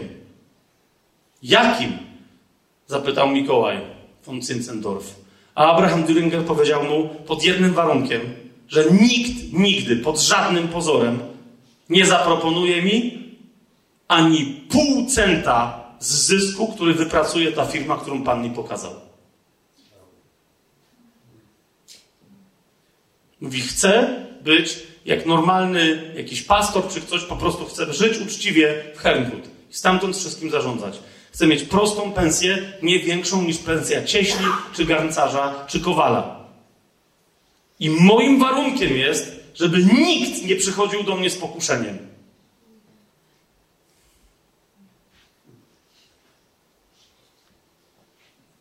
Dlaczego? Bo on usłyszał od Pana: Szukaj najpierw mojego królestwa i jego sprawiedliwości, a wszystko inne będzie Ci przydane. Nie w pieniądzu, nie w chwale ludzkiej, nie w liczbach, którymi potem się możesz wobec innych popisywać. Nie.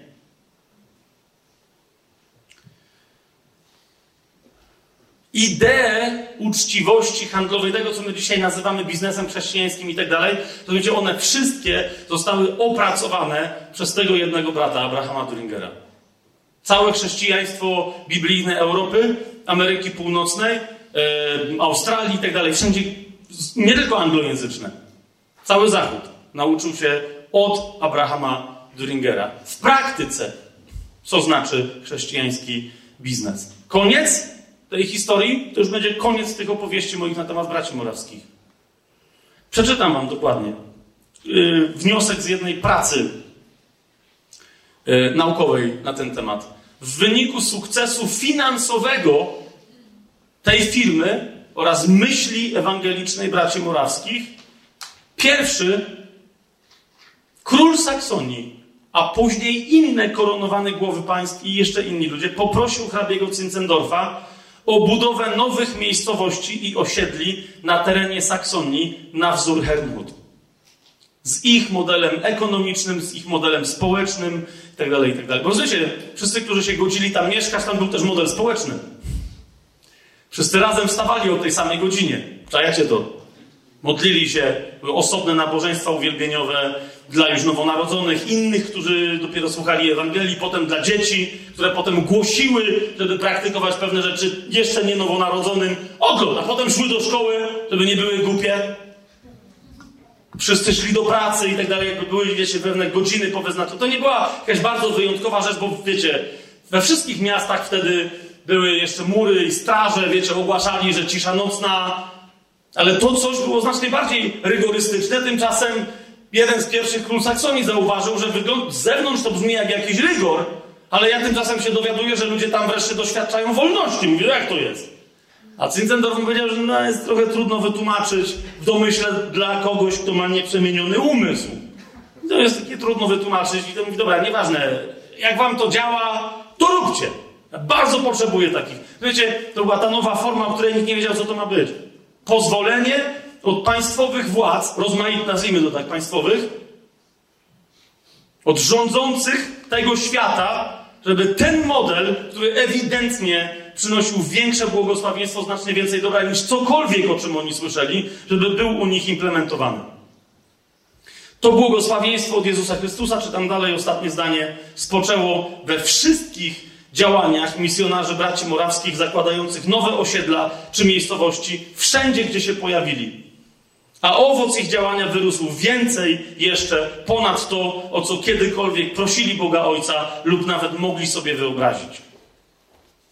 Przeczytałem Wam najpierw parę fragmentów, opowiedziałem, żeby skrócić pewne rzeczy o misjonarzach, których my czasem mamy, ale zauważcie, tym, który umożliwił właściwe misję dla braci morawskich, był biznesmen. Był człowiek z namaszczeniem i z darem do tego, jak inwestować od Pana, do tego, jak uczciwie zarządzać ludźmi, jak ustawiać ceny. Wszystkie te dziedziny związane z prowadzeniem przedsiębiorczości na bardzo poważnym poziomie. To było coś, czym Pan się posłużył, żeby rozprzestrzeniała się jeszcze bardziej dobra nowina. Znaczy, on nie wszedł w świat biznesu, cały czas o tym marzył, jako niby chrześcijanin. Co zrobił później? Nie zdobywał żadnej góry biznesowej, czy ekonomicznej, czy politycznej. Po prostu się wzniósł na tą wyżynę, która jest ponad wszelką górą i stamtąd zaczął działać. Siostro i bracie, moje pytanie dzisiaj do Ciebie, nie wiem z, jakim, z jaką intencją tu dzisiaj przyjechałaś, czy przyjechałeś, tak? Jakie są Twoje oczekiwania i tak dalej, ale powiedz mi, czy perspektywa czegokolwiek, co masz w swoim sercu, co masz w swoich pragnieniach i tak dalej. Ja wiecie, dlatego nie lubię gadania o marzeniach wśród chrześcijan. Marzenia to jest straszny badziew.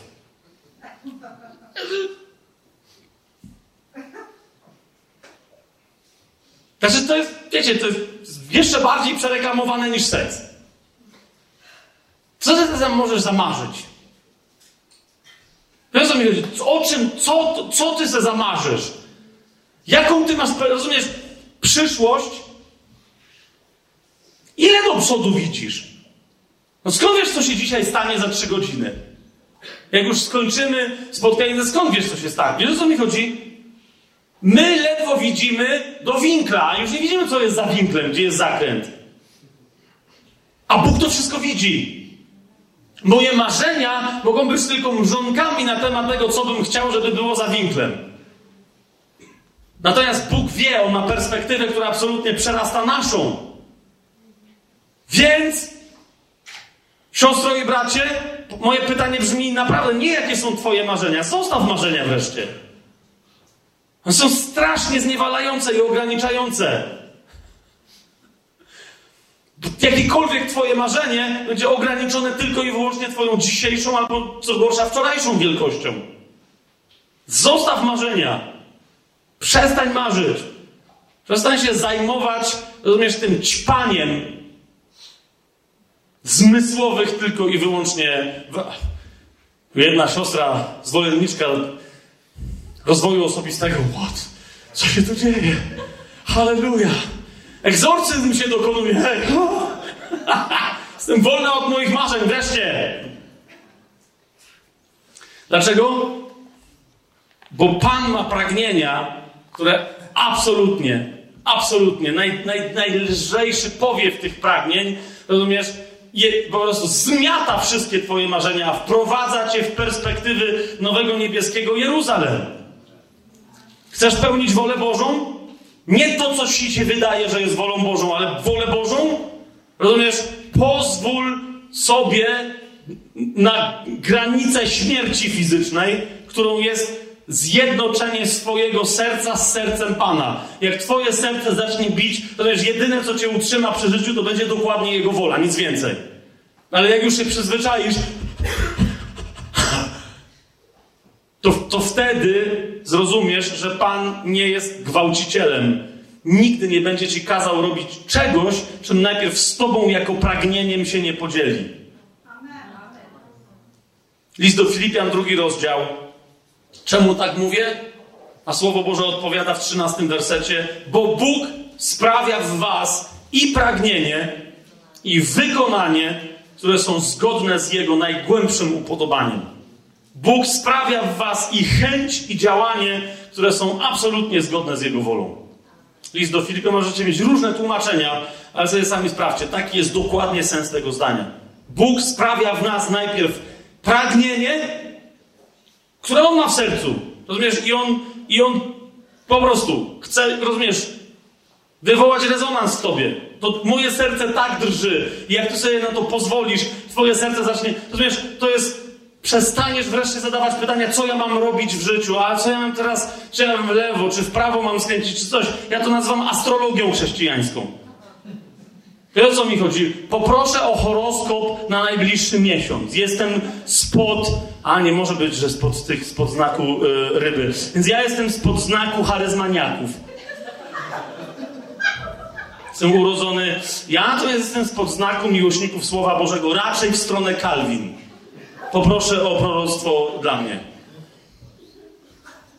Powiedzcie mi, co mam robić, jaki, jak mi horoskop wypada na najbliższe dni, co mam robić. Rozumiesz, Boga interesuje Nie to, co ty masz robić, ale kim ty jesteś. I o tyle tylko go interesuje, co masz robić, o ile to, co robisz, powoduje, że dorastasz do tego, kim on chce, żebyś był, czy kim on chce, żebyś była. Twoje powołanie osobiste to nie jest robienie czegoś, to jest bycie tym idealnym synem Bożym, perfekcyjną córką Bożą, którą Pan ciebie sobie zamyślił, zamierzył i nawet jak wszystko skrewisz na tym Trybunale Chrystusowym, to on i tak dokończy swojego dzieła. Tylko po co krewić? Żeby on potem musiał wszystko poprawiać, a my, żebyśmy musieli patrzeć w oczy zranionego przez nas Chrystusa. Rozumiesz? Poza tym naprawdę masz ciekawsze, bardziej fascynujące, sensacyjne, pełne pokoju, a jednocześnie kompletnego odjazdu życie, które co możesz wymyślić? Obczaj jazdę chłopa, który jest cieślą i zakłada stolicę krajów dzisiejsze. Obczaj jazdę drugiego chłopa, który rozwija największy, absolutnie rewolucyjny biznes swojego czasu i nie ma z tego ani grosza. To jest jeszcze lepsze jak dla mnie. Czujesz, nie?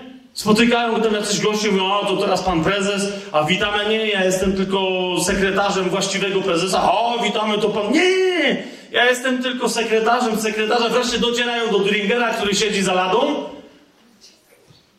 I mówią, co jest? A mówi, nie, muszę tu pracować, miałem stałą pensję, także...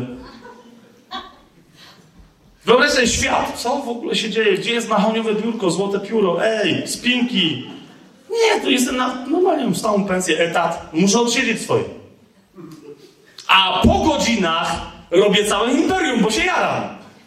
Wiesz, ty kleisz tam modele, czy coś tam robisz, oglądasz, wiesz, YouTube'a, dowiadujesz się, kto znowu jest zwiedziony, a ja buduję imperium po godzinach. Dlaczego? No bo najważniejsze jest, żeby usługiwać braciom tutaj na tej wsi. Żeby znowu nie zadłużyli tego sklepiku. Bo są bardziej nieskazitelni jak gołębie niż przebiegli jak węże. Także ja robię za żmijkę lokalnie.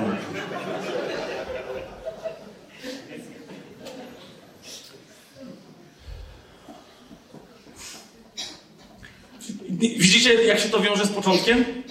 To wszystko są ludzie, którzy najpierw zaczęli od tego, że przestali się bać o swoje tyłki, przestali się bać o swoje życie, przestali się bać o swoją prowizję, przestali się bać o swoje zabezpieczenie.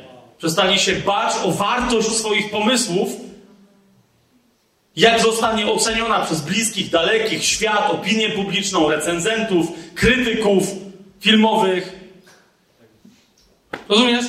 Przestali się bać opinii nawet własnego środowiska, które im powiedział, ale nikt nigdy tak tego nie robił, tak się tego nie robi.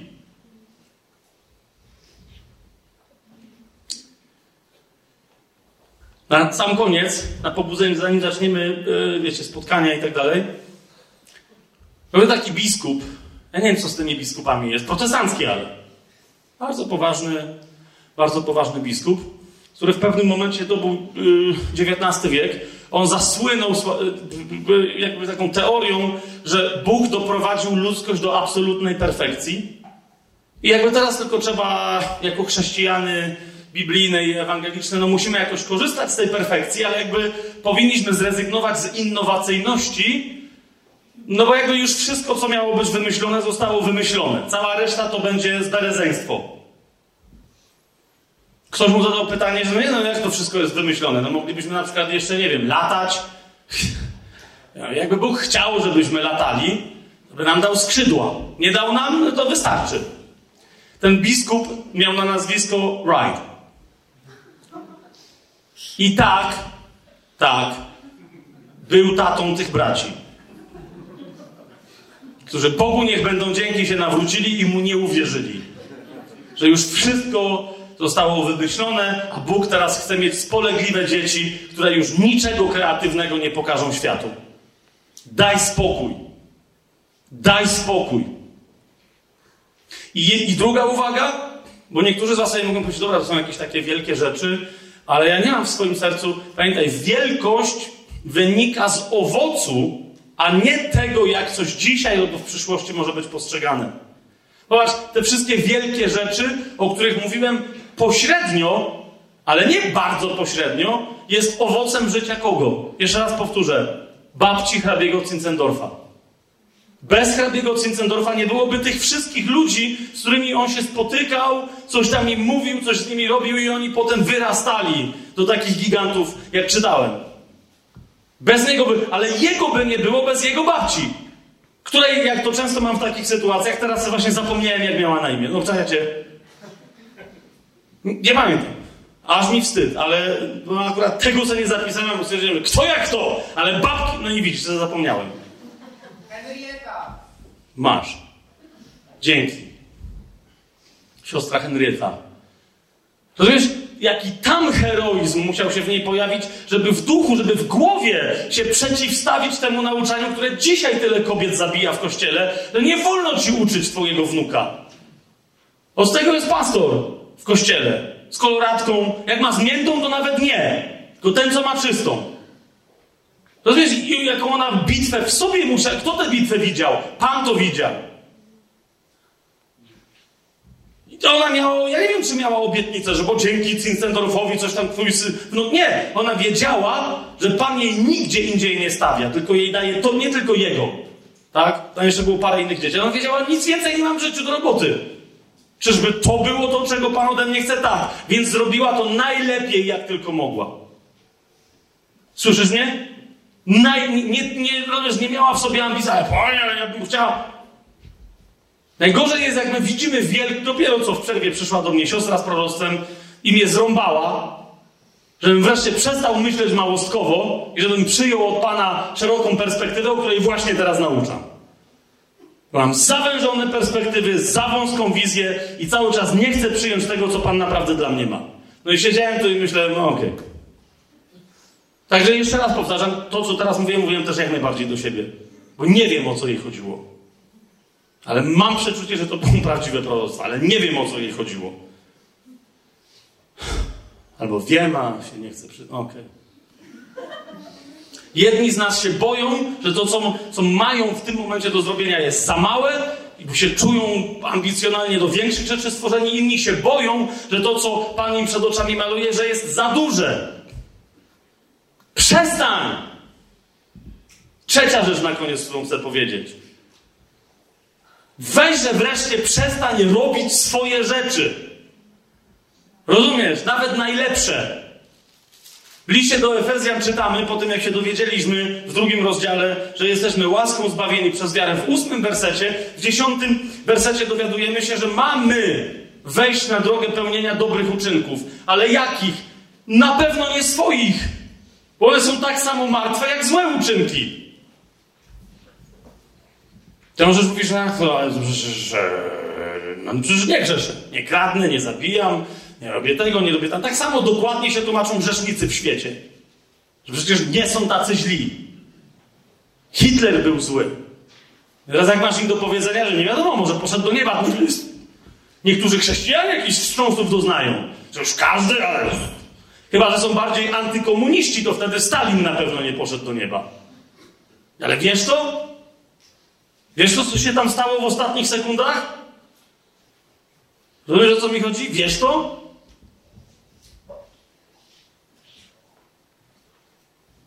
Łaskę pójścia do Niego masz za przelaną krew baranka, nie za cokolwiek dobrego czy złego ty jesteś w stanie zrobić, wyprodukować z siebie. A potem jako chrześcijanin jesteś przeznaczony do życia, które się czerpie jedząc z drzewa życia, a nie z drzewa poznania dobra i zła. Jak wrócisz do drzewa poznania dobra i zła, teraz jestem, muszę robić, to jest dobre. To jest dobre dla kogo?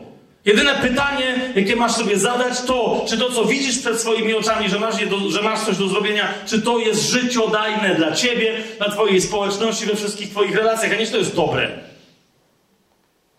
Uwierz mi, dowolny satanista, jawny i niejawny dzisiaj na świecie, zademonstruje ci tak, o, wyczepie ci z rękawa 500 na zawołanie każdego dnia lepszych dobrych uczynków niż twoje. Żeby cię zawstydzić, żeby ci coś udowodnić, żeby siebie usprawiedliwić. My mamy pełnić dziesiąty werset. Dobre uczynki jako nowe stworzenie, zobaczcie, list do Efezjan, drugi rozdział, dziesiąty werset. Jesteśmy bowiem Jego dziełem. My jesteśmy Jego dziełem. Stworzeni w Chrystusie Jezusie, tak, mówi Pismo, do dobrych uczynków. Ale jakich? które Bóg wcześniej już z góry przygotował, abyśmy w nich postępowali. To jest droga życia. To jest droga życia. I dlatego mówię, y, masa chrześcijan modli się i grzeszy. Czemu? Bo uważają, że nie muszą pytać Boga, co mają robić, w momencie, kiedy ich ciśnie poczucie winy, że czas najwyższy byłoby się pomodlić. Albo ich ciśnie strach. Naprawdę? Wejdziesz w tą usługę i się nie pomodlisz? O, chociaż o chronę Chrystusa? Rozumiesz? Co do ciebie gada? Bóg ci to mówi? Bóg cię straszy? Bóg w tobie poczucie winy wzbudza? Jeżeli słuchasz głosu diabła, bardzo często diabeł nas zachęca, żebyśmy się modlili wtedy, kiedy nie chce, żebyśmy działali. Najprostsze. Jak zwieść chrześcijanina? Powiedzieć mu modlitwa. Jak jesteś religijną osobą, to jak powiesz diabłu? Hej, modlitwa to byłby grzech w tej, w tej sytuacji. Byłby to grzech? Modlitwa? Modlitwa jest święta. Tak samo jak post jest fajny. Tak samo jak zbudowanie braca, brata przy pomocy świadectwa, tak samo jak wiele innych rzeczy byłoby dobrych. Pytanie tylko brzmi, czy w tej konkretnej sytuacji, w tym miejscu i w tym czasie, to coś jest życiodajne, czy nie? Rozumiesz, spośród miliarda różnych starych i nowych dobrych rzeczy mam do wyboru te, które są życiodajne, które Pan mi podsuwa pod nos, mówi, hej, to jest to, to jest to. Wielu usługujących popada w taki grzech, czemu? Bo stoi do nich kolejka, jak są charyzmatyczni i mówią, bracie, czy mógłbyś się za mnie pomodlić? I wielu nawet wie, że no nie, ale się boją. No bo co sobie pomyśli taki chrześcijanin, który ma powiem nie? Ja tu stoję? Wiesz, on nic nie mówi, ale całym ciałem ci pokazuje, no pójdę i będę mieć swoją opinię na twój temat w internecie. Miejże! Super! Bo do mnie przychodzisz, żebym się za ciebie modlił? Jak ty zdradzasz żonę? O co ja się tym, co mam cię jeszcze pieścić? No wiesz, jak pies zaczyna gryźć moje dziecko, to ma kopa w mordę. Ja nie będę go uspokajać głaskaniem. Tu mamy behawiorystkę od psów, to wam powie. Nie uspokoisz zwierzęcia, dając mu pochwałę, tylko musisz mu że źle robi. I teraz ten przychodzi, o co się mam modlić? No, mam pewien problem z nieczystością. To, to przestań mieć. Ponieważ ty nie jesteś uzależniony. Nie heroiny buzującej we krwi. To są twoje decyzje. A jeżeli przez wielokrotne twoje decyzje zacząłeś się uzależniać, to mi się przyznaj uczciwie. Rozumiesz? Nie dawaj mi wyznania, które nie jest całą prawdą, ale częścią prawdy, bo się wstydzisz powiedzieć resztę prawdy. To jest żadne wyznanie i dlatego nic się nie zmieni w twoim życiu. Nawet no jako chrześcijan, bardziej jako chrześcijanin, stań, stań w całej prawdzie. Wyprowadź ten syf na światło i powiedz, jaka jest prawda. Jak powiesz całą prawdę, cię tak zaboli, że się odwrócisz, pójdziesz, zaczniesz robić coś z tym, a wtedy wrócisz, jak będzie się o co pomodlić, to już będziesz wiedzieć, o co się modlić. A nie przychodź do mnie, żebym ja się za ciebie pomodlił, a ty potem wrócisz do zdradzania żony i potem powiesz, no wielcy mężowie Boży nawet się za mnie modlili i nic to nie dało. Oczywiście, że nie. Oni się modlili i nic to nie dało, a ja się nawet nie modliłem i też to nic nie dało. Rozumiesz, po co tracić czas, ciupasie? Dając na tacę, ile razy, siostro i bracie, ile razy zgrzeszyliśmy? Ile razy? Nabożeństwo, idzie taca, przecież trzeba coś dać, nie? Bo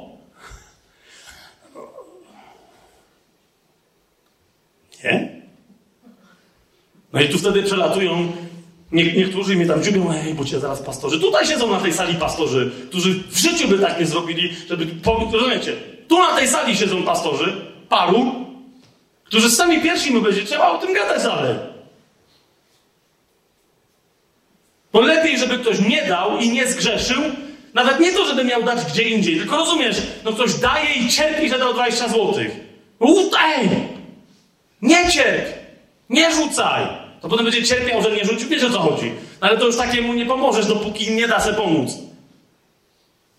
Co się ma stać z twoimi pieniędzmi? Ilu ludzi grzesząc, nie rozeznając zgrzeszyło, idąc na nabożeństwo w niedzielę. Czemu? Czemu zgrzeszyli, nie czemu poszli? Poszli, no bo wiesz o co chodzi. Żona szła, raz się ten przywali, że z nią...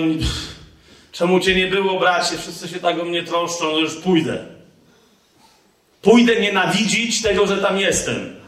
Przy okazji, jak mnie ktoś wnerwi, na przykład pastor powie nędzne kazanie, to będę go jeszcze wewnętrznie nienawidził. Oczywiście nic nie powiem na zewnątrz, ale jakby. Rozumiesz, jeden grzech za drugim, tylko dlatego, że po prostu nie robisz czegoś, co w sercu chcesz robić. Tego nie robisz. Ale no to wypada, bo to trzeba, to list do Rzymian.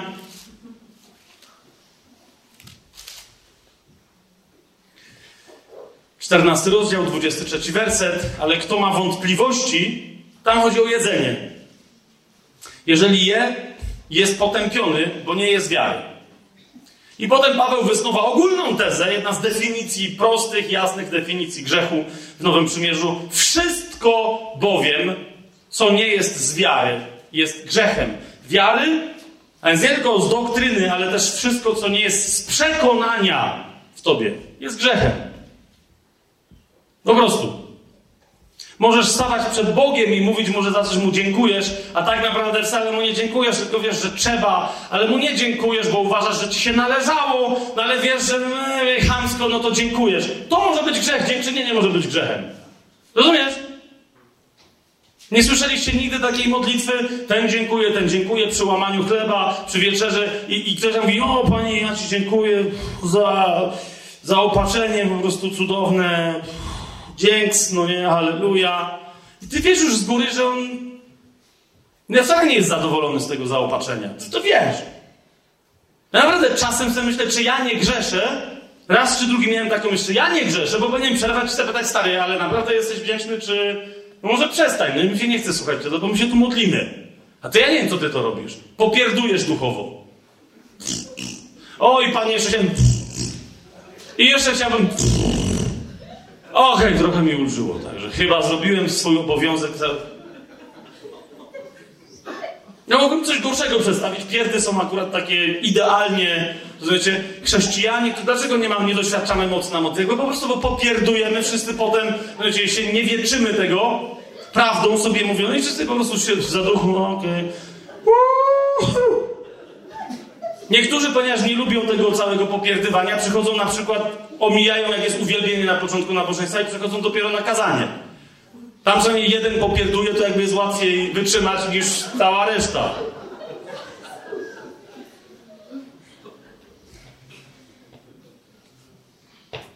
Nie, nie, nie będę przepraszał teraz, no nie, że, bo to wcale nie było gorszące.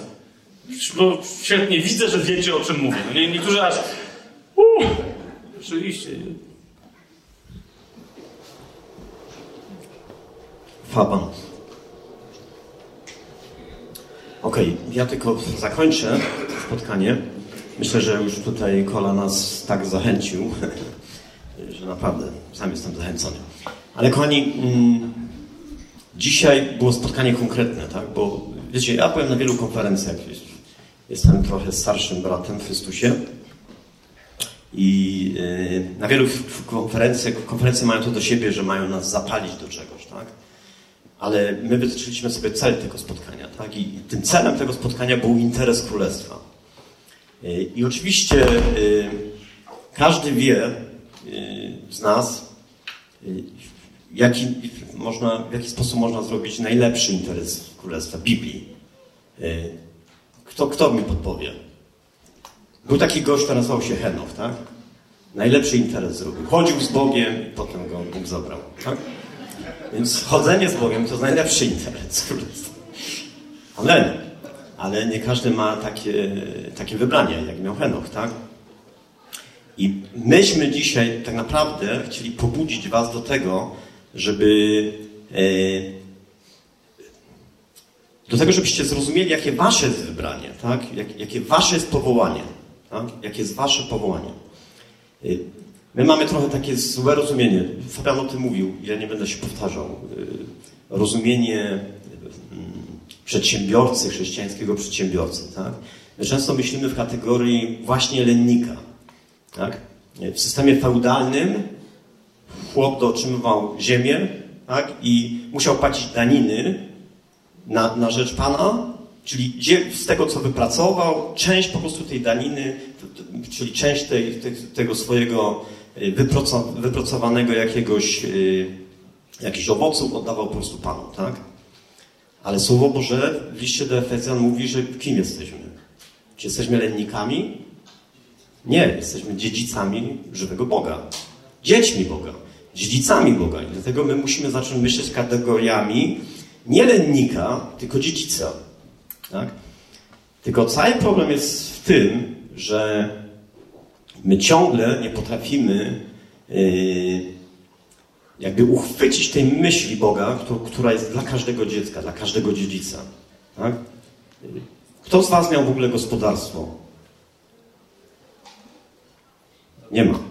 Ale na przykład byliście dziećmi przedsiębiorców. Yy, dziećmi przedsiębiorców, którzy, którzy, yy, których tata już na przykład zatrudniał gdzieś do, do swojej firmy, tak? Czy jak byłeś takim dzieckiem i nie wiem, byłeś młodzieńcem, czy, czy tata ci dawał, żebyś się zajmował wszystkim w tej firmie? Czyli począwszy od, żebyś poszedł do pani Kasi, która była księgową i tam za nią księgował, żebyś poszedł do, nie wiem, maszynisty, który obsługiwał jakiś super yy, pojazd, żebyś to obsługiwał ty i tak dalej. Nie, nie, tak?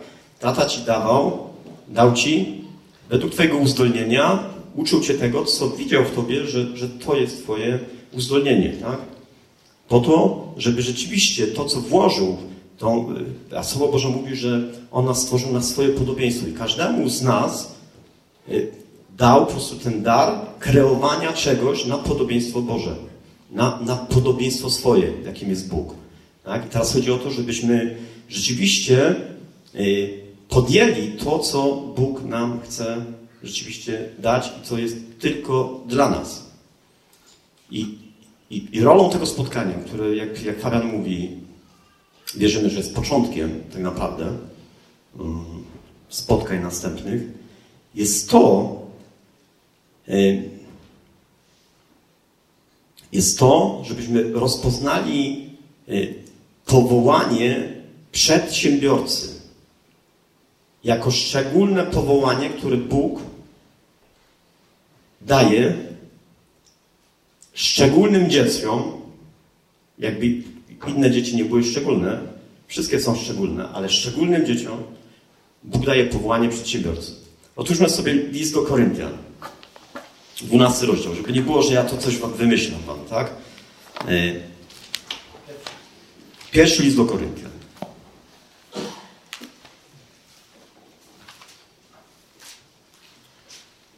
Dwunasty rozdział. I dwudziesty ósmy werset, tak? I mam napisane tak. A Bóg ustanowił w Kościele najpierw apostołów, powtórę proroków, po trzecie nauczycieli, następnie odczynienia cudów, potem dary uzdrawiania, niesienia pomocy, kierowania, różne języki. I oczywiście tu nie mamy wymienione wszystkie dary, tak? Bo mamy jeszcze inne wcześniej, o których możemy przeczytać, tak? Czyli widzimy, że Bóg daje szczególne dary dla swoich dzieci po to, żeby rzeczywiście ten Kościół, y, żeby budować królestwo, żeby, żeby całe ciało było budowane, tak jak wcześniej y, jest o tym napisane, tak? I Bóg nas pobudził, Bóg pobudził Fabiana, brata Fabiana, do tego, żeby was pobudzić do tego, żeby rzeczywiście powstali ludzie, którzy odbierają od Pana właśnie to powołanie przedsiębiorcy. Dlatego tak, tak mocno naciskaliśmy w, w, tym, co Fabian mówił przed, przed spotkaniem, że, że, żebyście zrozumieli, do kogo my kierujemy dzisiaj to nauczanie. My chcemy połączyć tych nielenników. Jeśli jesteś lennikiem, chwała Bogu, czyli jeśli jesteś człowiekiem, który masz inne powołanie, na przykład jesteś apostołem. Kto jest apostołem? Ręka do góry. Nie ma nikogo. Bójcie się, może jesteście apostołami. Dlaczego? Ja nie żartuję. E, masz na przykład powołanie pasterskie, masz powołanie ewangeliczne. Tak? A przy okazji masz jakiś interes swój jeszcze, biznes, który prowadzisz, małe przedsiębiorstwo, większe przedsiębiorstwo. Ja jestem takim przedsiębiorcą, tak? Yy, Okej. Okay. Okej, okay. czyli, czyli jesteś tylko takim lennikiem. Powołanie twoje jest gdzie indziej.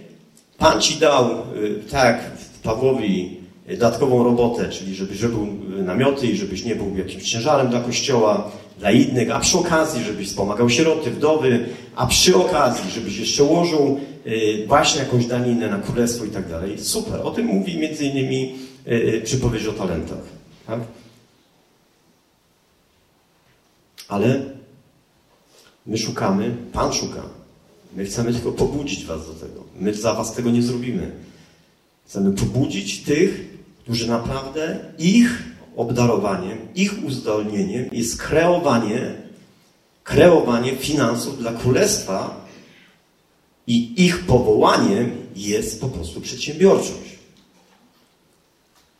Czyli chcemy pobudzić takich ludzi, którzy połączą razem siły Polsce, jeśli na świecie też lepiej. Połączą siły, aby rzeczywiście stać się fabryką. Nie mieć fabrykę i z tej fabryki coś udzielać, tylko aby stać się fabryką. Fabryką królestwa. Jeśli to jest Twoje powołanie, jeśli to jest Twoje powołanie, to szukaj właśnie połączenia. Bo o to nam chodziło, żebyś z tego, żebyś wyjechał stąd. I dobrze, jeśli sobie dzisiaj powiesz po tym spotkaniu, nie, to jest nie dla mnie. Super. Super. Przynajmniej dowiedziałeś się, że to jest dla Ciebie i, i, i przestaniesz marnować czas, myśl, myśl w takim myśleniu w kategorii, a że ja jestem jakimś przedsiębiorcą chrześcijańskim i pracuję do królestwa. Nie, nie pracujesz, jesteś lennikiem, twoje powołanie jest gdzie indziej i przestań się po prostu sam siebie okłamywać.